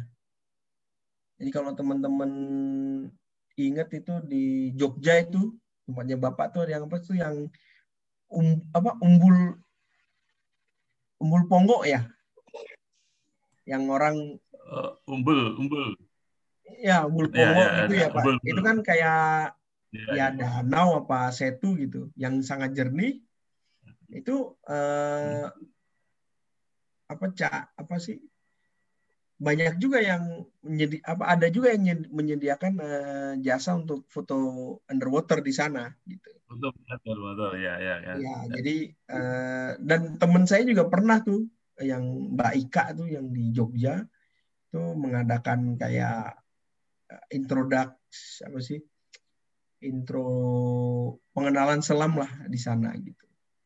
Jadi kalau dari sisi fotografi yang perlu dilihat memang eh, dari sisi eh, pencahayaannya gitu dan eh, apa dia mau air laut atau mau air air tawar ya di danau itu tidak tidak terlalu apa berpengaruh ya. Yang berpengaruh dia di kedalaman berapa yang akan diambil. Kalau tadi ya tetap kalau di bawah lebih dalam dari 3 meter berarti kita eh, harus melengkapi dengan eh, ekstra External, external flash ya. external flash supaya cahayanya apa eh, cahayanya lengkap gitu. Jadi eh, tidak tidak dari teknik fotografi itu uh, tidak tidak tidak berbeda lah uh, treatmentnya seperti itu. Cuma nanti memang uh, ada kecenderungan misalnya kalau di darat itu dia yellow apa greenish ya. Kalau ambient dia hmm. greenish. Jadi uh, apa greenish jadi agak lebih ke hijau-hijauan gitu ya. Sedangkan kalau di laut bisa ke hijau-hijauan atau uh, ke biru-biruan kayak gitu untuk yang lebih dalam seperti itu. Nah, hijau kalau greenish ini nih biasanya daerah-daerah yang tadi ya yang banyak nutriennya gitu ya. Jadi uh, cenderung lebih ke ke hijau seperti itu. Kaya nutrien itu jadi hijau, tapi kalau miskin dia uh, lebih ke biru kayak gitu. Nah itu aja bedanya. Tapi itu bisa diatasi dengan uh, eksternal uh, flash atau dengan uh, white balance correction. Nah, itu bisa bisa diatasi seperti itu. Oh ya, uh, untuk beberapa kamera, banyak kamera dia punya mode underwater nih. Hmm. Ya, oh, jadi, ada, ada mode kamera walaupun kamera biasa itu. Iya, biasanya kamera pocket, kamera uh, yang dia tulis uh, apa uh, waterproof ya buat underwater itu dia ada uh, mode underwaternya. Nah, mode underwater ini dia udah langsung dikoreksi. Ya, jadi kayak ya kalau bahasa sekarang sih? Filter lah, filter. jadi udah langsung dikoreksi warna merahnya itu dinaikin gitu. Uh, apa? diperkuat gitu. Nah, tapi hati-hati juga kalau kita motretnya di atas 3 meter ya itu kamera apa hasil foto kita akan kemerah-merahan gitu. Hmm. Nah, jadi eh, apa dia nggak jadi kalau itu akan bermanfaat kalau dia di bawah eh, 3 meter seperti itu. Nah, jadi eh, ke sana. Jadi ada uh, mode underwater itu seperti itu.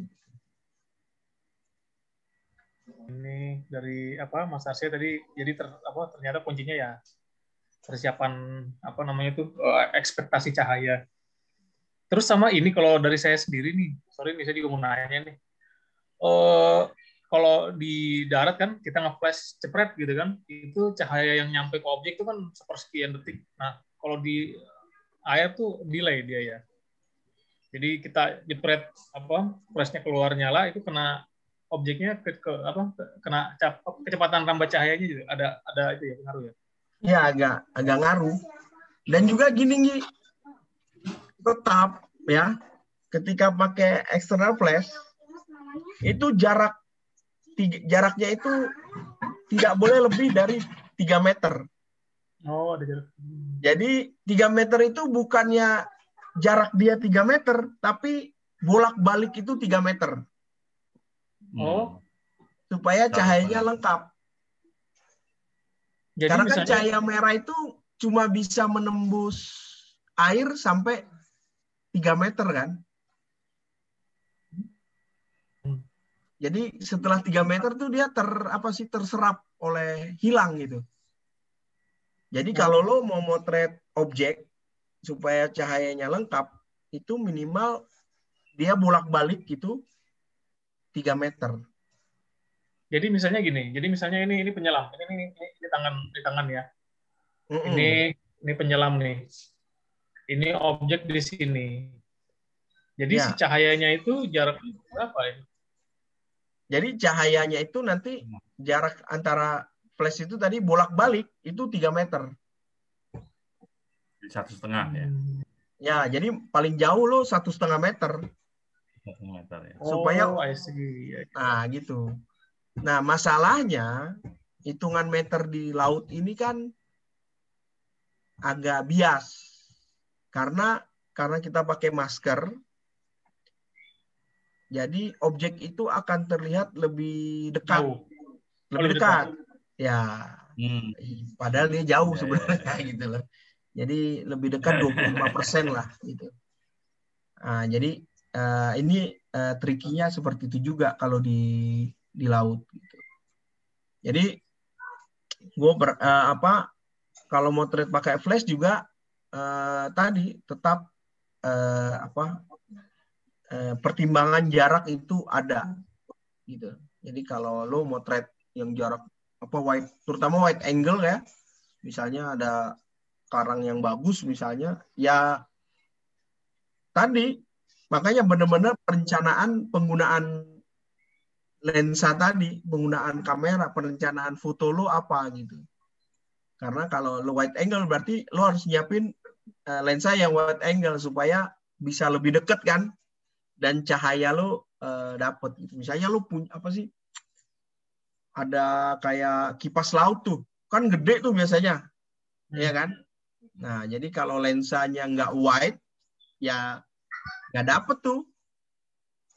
Kan eh, kipas laut itu kalau lo lihat dia warnanya merah ya, Iya kan? Nah warna Ya, merah ya. itu karena ada lampu, ada external flash, jadi merah tuh. Kalau enggak, ya udah di laut itu warnanya coklat-coklat keneh gitu. Oh, iya, Nggak iya, kelihatan Dia lebih merahnya warna. gitu. Hmm.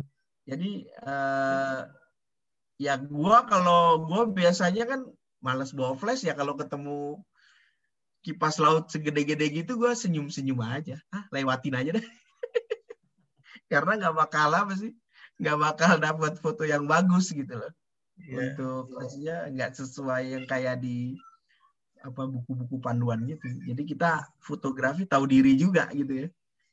harus paham. Oh, jadi paham pertama. Pertama paham ini ya, paham eh, objek, terus paham kondisi laut, sama paham ini juga yang mau kita pakai peralatan. Ribet ya, Bro? betul. Iya. betul. betul. Berarti untuk ini? mau foto objek harus ada ini ya kayak penyelaman buat pendahuluan dulu ya. Ya, kalau lebih tahu objek yang mau kita foto itu akan lebih lebih bagus. Makanya biasanya kita kalau daerah-daerah wisata itu sudah ada kayak eh, istilahnya dive guide. Dive guide ini dia yang tahu lokasi di situ sampai karakteristik fotografinya biasanya dia tahu. Nah, Pak, kalau di sini kita fotografinya wide angle nih. Banyak apa siven-siven yang gede-gede misalnya. Terus ada misalnya kayak gua di Tulamben itu atau di mana ya di ya Tulamben lah. Itu banyak makro. Nah, jadi dia hafal tuh tempat-tempat apa kepiting yang lucu-lucu gitu ya. Terus ya biota-biota laut yang ikonik, yang apa unik-unik tapi kecil-kecil. Itu dia hafal gitu. Nah, jadi pas di situ kita nyiapinnya lensanya lensa yang makro gitu. Nah, jadi perencanaan jadi perencanaan foto ini juga digabungkan dengan eh, perencanaan eh, selam juga gitu. Jadi jadi sekarang kan di di objek wisata selam itu tadi ngejualnya itu eh, istilahnya ada yang yang view wide angle yang melihat hamparan karang gitu ya, kipas-kipas laut misalnya yang besar, tapi ada juga eh, wisata selam yang segmented tadi khusus untuk eh, makro, foto-foto yang kecil-kecil. Nah, salah satu site yang buat makro tuh yang murah meriah ya Tulamben di Bali. Yang agak mahal agak ini di ada di Lembe. Nah, site makro yang paling banyak itu ternyata di Ambon, Bro. Oh, oh. Di Ambon itu ada 90 site makro di Teluk dalam Ambon. Itu biotanya ajib-ajib tuh di situ. Itu kalau udah nyelam di sana, ya orang bawa kamera, kameranya kecil tapi strobe-nya banyak gitu loh. Ada tiga, ada ini gitu. Jadi Ini eh, saya apa namanya tuh eh, melihat ada dari Kementerian Kelautan dan Perikanan nih. Ini Pak Aziz nih juga dia punya pengalaman untuk ini nih untuk apa menyelam nih. mungkin Pak Aziz bisa ini berkolaborasi nih apa untuk apa namanya tuh menjelaskan tentang apa namanya tuh capturing gambar di ini di laut. Pak Aziz silakan. Nah, Ajis, jadi Pak Ajis ini teman satu diklat saya nih, badi nyelam saya. Oh, lagi di FDC. Lagi away kayaknya. Iya dulu Mana di Pak Ajis, ya. Pak Ajis? Hmm. Siap, Nah, Pak Guru Doktor. Nah, Silakan. Ambil jalan tadi. Om. Jadi apa namanya tuh eh, soal ini ya apa tekanan air terus habis itu cahaya yang nyampe ke objek dan juga tadi kan ada apa namanya tuh eh, warna dominasi yang merah segala macam itu maksudnya gimana tuh Pak Aziz? Itu yang disampaikan Pak Begin itu masih permukaannya itu belum yang susah-susahnya itu. belum kalau kena bulu babi gitu kan. Belum kalau dikejar ular laut. laut. Nah, itu resikonya. Oh iya benar. Itu itu itu ya itu yang kayak gitu kadang-kadang juga itu ya apa yang awam tuh kan nggak tahu malah malah yang ditakutin waktu saya apa namanya itu waktu saya sama pernah saya kolaborasi sama itu Panji Petualang. Hmm. si Panji Petualang itu kaget karena ada anak SMA waktu itu tapi untung selamat ya. Dia ngelihat ular laut itu disangkanya jinak gitu. Karena dia nonton video kan ada pulau ular pulau ular di mana di Bali. Ternyata dia dipatok ular laut, tapi untungnya Hmm. selamat itu. Itu kan oh, bisanya luar biasa itu. Nah itu gimana nih Pak Begin itu apa namanya edukasi ke sana gimana tuh? Apalagi anak-anak muda milenial tuh kan, apalagi jurusannya bukan jurusan IPA, jurusan IPS atau jurusan apa bahasa itu mereka pasti bisa sembarangan itu nanti ngeliatnya kayak gitu. Iya Lucu-lucu padahal ternyata mematikan. Iya ular laut kan lucu ya. Kalau nggak tahu itu kan warnanya hitam putih gitu ya. Dan sebenarnya eh, tadi ada behaviornya juga, Nggi. Jadi kalau dia dia tuh agresif kalau mau kawin aja. Oh, asik. Jadi kalau kalau nggak kawin itu cenderung takut juga ketemu kita gitu. Dia lari gitu. Nggak nggak ngejar gitu. Jadi eh, kalau kawin dia akan agresif. Jadi karena tadi ya dianggap pengganggu masuk teritorialnya eh, mereka. Nah, itu yang eh, apa? Yang yang perlu kita ketahui. Nah, gue nggak tahu di tiap-tiap lokasi eh, season kawinnya itu beda-beda gitu. Nah, jadi eh, apa? Ya kalau season kawin itu artinya dia paling gampang dia biasanya ngedeketin eh, lawan jenisnya gitu. Kalau udah berdua-duaan tuh ya, kita juga kan manusia kalau lagi berdua-duaan kan, yang cowok juga rada-rada kayak gagah gitu kan. Ini Nggak mau diganggu ya. Posesif. diganggu gitu. Jadi agak agresif dan posesif gitu ya. nah, jadi apa itu yang ya mostly di di laut nggak cuma ular laut sih kayak il ya murai il belut Oh, iya. laut juga itu juga agresif kalau eh, mau kawin juga gitu nah kalaupun misalnya dia kan dia suka kalau murai il tuh suka mangap-mangap tuh di foto apa kita deketin tuh nah itu jadi eh, itu cuma ya memang behaviornya dia mangap-mangap gitu gitu tapi nggak menyerang gitu. termasuk juga hiu Nah, Hiu. iya itu dia hiu itu tuh itu legend tuh itu banyak yang nanya tuh bagaimana Nanya. menghindari hiu yang ngamuk di laut ketika menyelam. jadi dari pengalaman gua nyelam ya eh, nggak ya kalau hiu tuh ganggu cuma satu sih.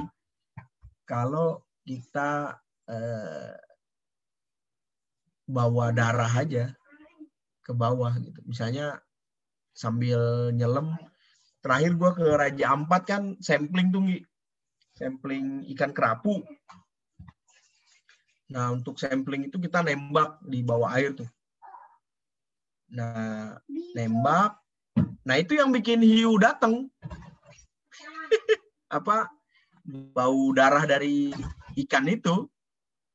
Nah, jadi eh, dia ini kenapa nih hiu muter-muter di sini kita lupa tuh dia kita bawa ikan mati gitu nah itu yang jadi trigger dia tapi uh, pengalaman gua ya hiu nggak kalau belum jam makannya jam makan bisa malam ya. Itu dia dia cuma kayak patroli aja. Muter muter muter muter. Gue pernah ada satu momen yang kayak film kartun itu. Jadi gua dia berenang gitu kan. Dia berenang gitu gua ngikutin dari belakang. Terus tiba-tiba dia balik. Gua kaget dia kaget gitu. Jadi bus gitu langsung set gitu. Jadi ya gitu aja. Dia nggak nggak nyerang kalau di di Indonesia sih reef reef apa reef shark gitu. Jadi uh, kok jadi uh, hiu sendiri nggak nggak nggak nyerang kalau nggak ada tadi ya trigger trigger kayak gitu. Termasuk ada wisata hiu itu di Morotai. Kan ada tuh wisatanya nyelam uh, hiu gitu. Nah itu nggak nggak menyerang gitu loh gue juga sempet di memang nyelam buat ngeliat hiu di Wakatobi. Mm-hmm. itu juga nggak nggak nggak nyerang dia. Cuma muter-muter aja di situ tempat dia istirahat tuh. Nah itu tuh di Shark Point. Shark Point itu uh, apa uh, ada di sana gitu.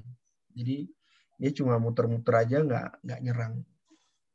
Kayak gitu. Bahkan ada yang sensasi nyelam malam hari tuh nyelam malam hari di Shark Point itu. Terus tiba-tiba lampunya dimatiin tuh. Oh gitu. Gelap gitu kan. Pas dinyalain lagi wah ada hiu di sekitar dia gitu kan. Ya itu orang cari adrenalin aja. Tapi bener hiunya enggak itu ya hiunya enggak agresif makan orang enggak ya? Enggak kecuali ada pemicunya tadi ya darah, darah. ikan mati yang kita bawa. Gitu. Nah biasanya kan orang nggak sengaja terserang tuh karena ini juga. Nah tadi feeding. Kenapa kita nggak boleh feeding apa? Feeding hewan laut itu? Ada juga wisata hiu yang buat ngumpulin hiu dia kasih makan kan? Hmm. nah jadi ketika orang datang dia udah tahu nih ikan apa makanan nih gitu kan. Nah karena terbiasa itu nggak dapet pas kita nyelam dan nggak lagi ngasih ikan akhirnya dia agresif tuh oh, itu salah kita sendiri. Salah kita sendiri. Merubah merubah behavior dia gitu loh. Jadi eh, nah itulah di situ pentingnya tadi guide dive guide gitu ya yang mengetahui eh, kondisi eh, daerah penyelaman itu gitu. Bener nggak nih lo datang di jam di hiu lagi lapar lagi nggak nggak selera makan misalnya gitu kan? Iya iya. Nah, jadi oh, juga tuh kalau orang nggak ngerti cemplung tiba-tiba lagi lapar. Ya betul. Ada juga wisata hiu, wisata hiu di Bandar Naira. Itu ngelihat uh, gerombolan hiu ini, hammerhead. Hmm. Nah, hiu itu di Bandar Naira tuh. Uh, hiu martil ya. Itu tapi dalam sih 30 40 meteran. Kalau gue sendiri sih enggak nyelam dalam-dalam. Untuk melihat itu gua gua ogah tuh. Untuk profesional driver lah itu ya. Iya, jadi nah nyelam ini juga ada batasannya ya. Jadi untuk yang eh, recreation diving itu itu hanya sampai 30 meter gitu maksimal. Nah, untuk lebih dalam itu itu ada namanya tech dive, istilahnya technical diving ya. Nah, itu ada sertifikat sertifikasi sendiri dan cara menyelam yang yang berbeda dia pakai beberapa tabung kombinasi apa uh, udara tertentu supaya lebih lebih aman. Dulu sih waktu gua belum instruktur ya gua sikat-sikat aja tuh urusan begitu. Tapi setelah jadi instruktur udah ya nggak boleh lah kita menjadi contoh ya buat murid-murid kita. Jadi ya nyelam yang sesuai dengan apa ya aturannya kayak gitu. Oke, jadi ini apa banyak sekali yang akhirnya kita ketahui dari apa namanya media selam nih ya. Jadi uh, behavior yang tadi itu ketika apa, eh, makhluk laut itu sedang apa di situ kita nyemplung kita harus apa namanya tahu juga. Terus eh, peralatan terus behavior kita sendiri terhadap apa namanya eh, sikap kita terhadap laut wise apa enggak itu juga sangat mempengaruhi terus belum lagi dari sisi artistik kan eh, pengetahuan alat pengetahuan objek pengetahuan eh, perairan itu juga ternyata banyak sekali dan ini kayaknya harus dibuat berseri ini eh, apa namanya diskusi ini Ya, nanti mungkin eh, Pak Begin bisa apa namanya berkolaborasi dengan Ibu Andriani, eh, Pak Aziz gitu bisa ini. Iya. Kita akan Kalau enggak, kalau mau itu nanti gue cariin deh temen gue yang profesional fotografer deh. bisa nanti kolaborasi lagi dengan Pak Begin. Oke, ini eh, acaranya kan eh, kita berarti sampai jam 10 ya. Jadi semut ah, tapi kalau misalnya masih ada yang mau bertanya masih ada waktu lima menit lagi nih barangkali. Ini ada Mbak Ida ya, Ida Susanti ya. Hmm, mau nanya. Kolaborasi dengan Marinir. Saya nggak pernah kolaborasi sama Marinir. Yang pernah kolaborasi temen saya tuh, Dondi Arafat. Dia motretin Marinir lagi latihan apa gitu, gitu. Apa sih?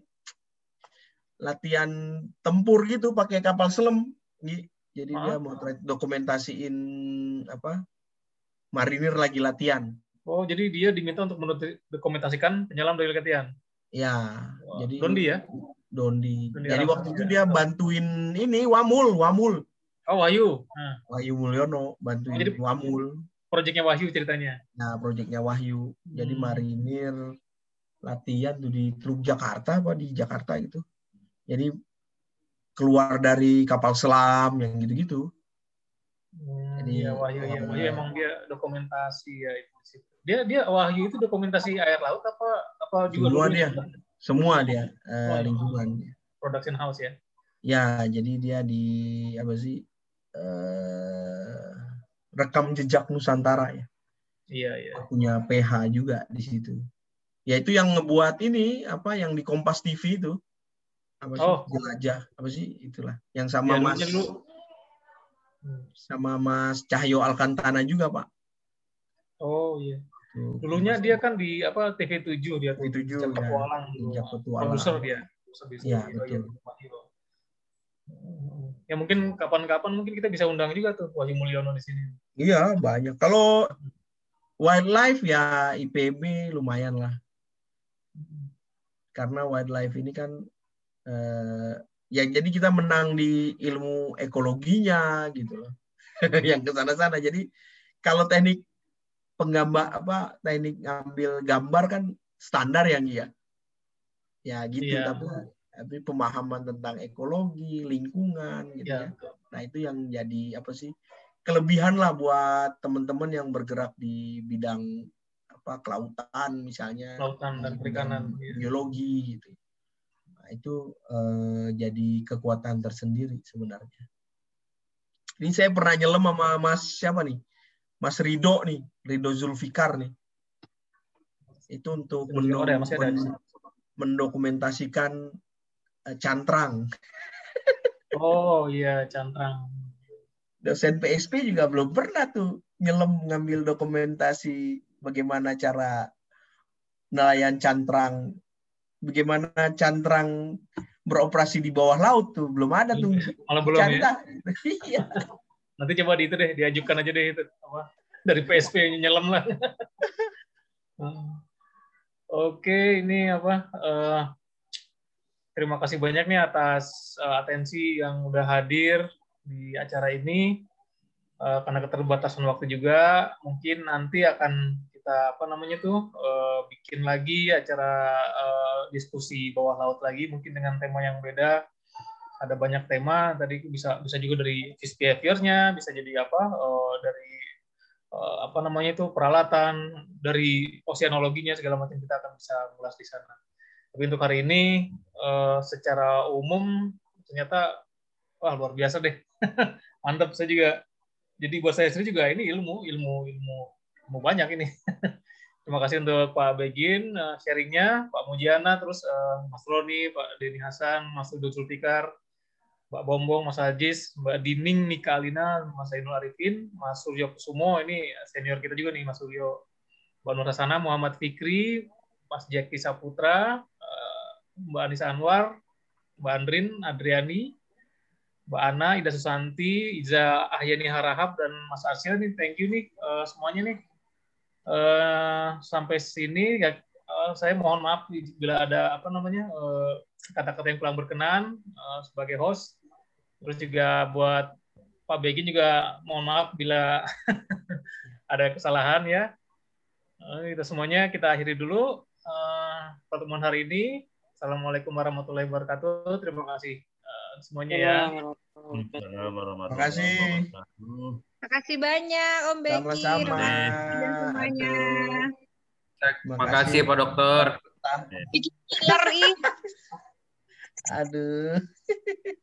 Udah terlihat berisi lagi tuh. Ah, iya dong. Kagak Jadi- pernah olahraga gua. Ayo nyemplung, nyemplung, nyemplung. Studi keren nih. Iya, kalau saya sama Mbak Nani sambil menyelam motret-motret. Air lagi ya sambil menyelam motret-motret gitu. Iya, benar. Oke Des, Makasih di, ya. ini Des di apa serahkan ke ini Desti lagi Des. Desti. Ya, lagi apa? Gimana Desti di sini? Desti Oh. Desti. Oh, masih Desti. Oke ya, aku Makasih ya. teman-teman. Ya, aku juga live ya. Makasih ya teman-teman. Ya. Makasih Kai. ya. Ya, Andre, Ya. Roni. Yuk.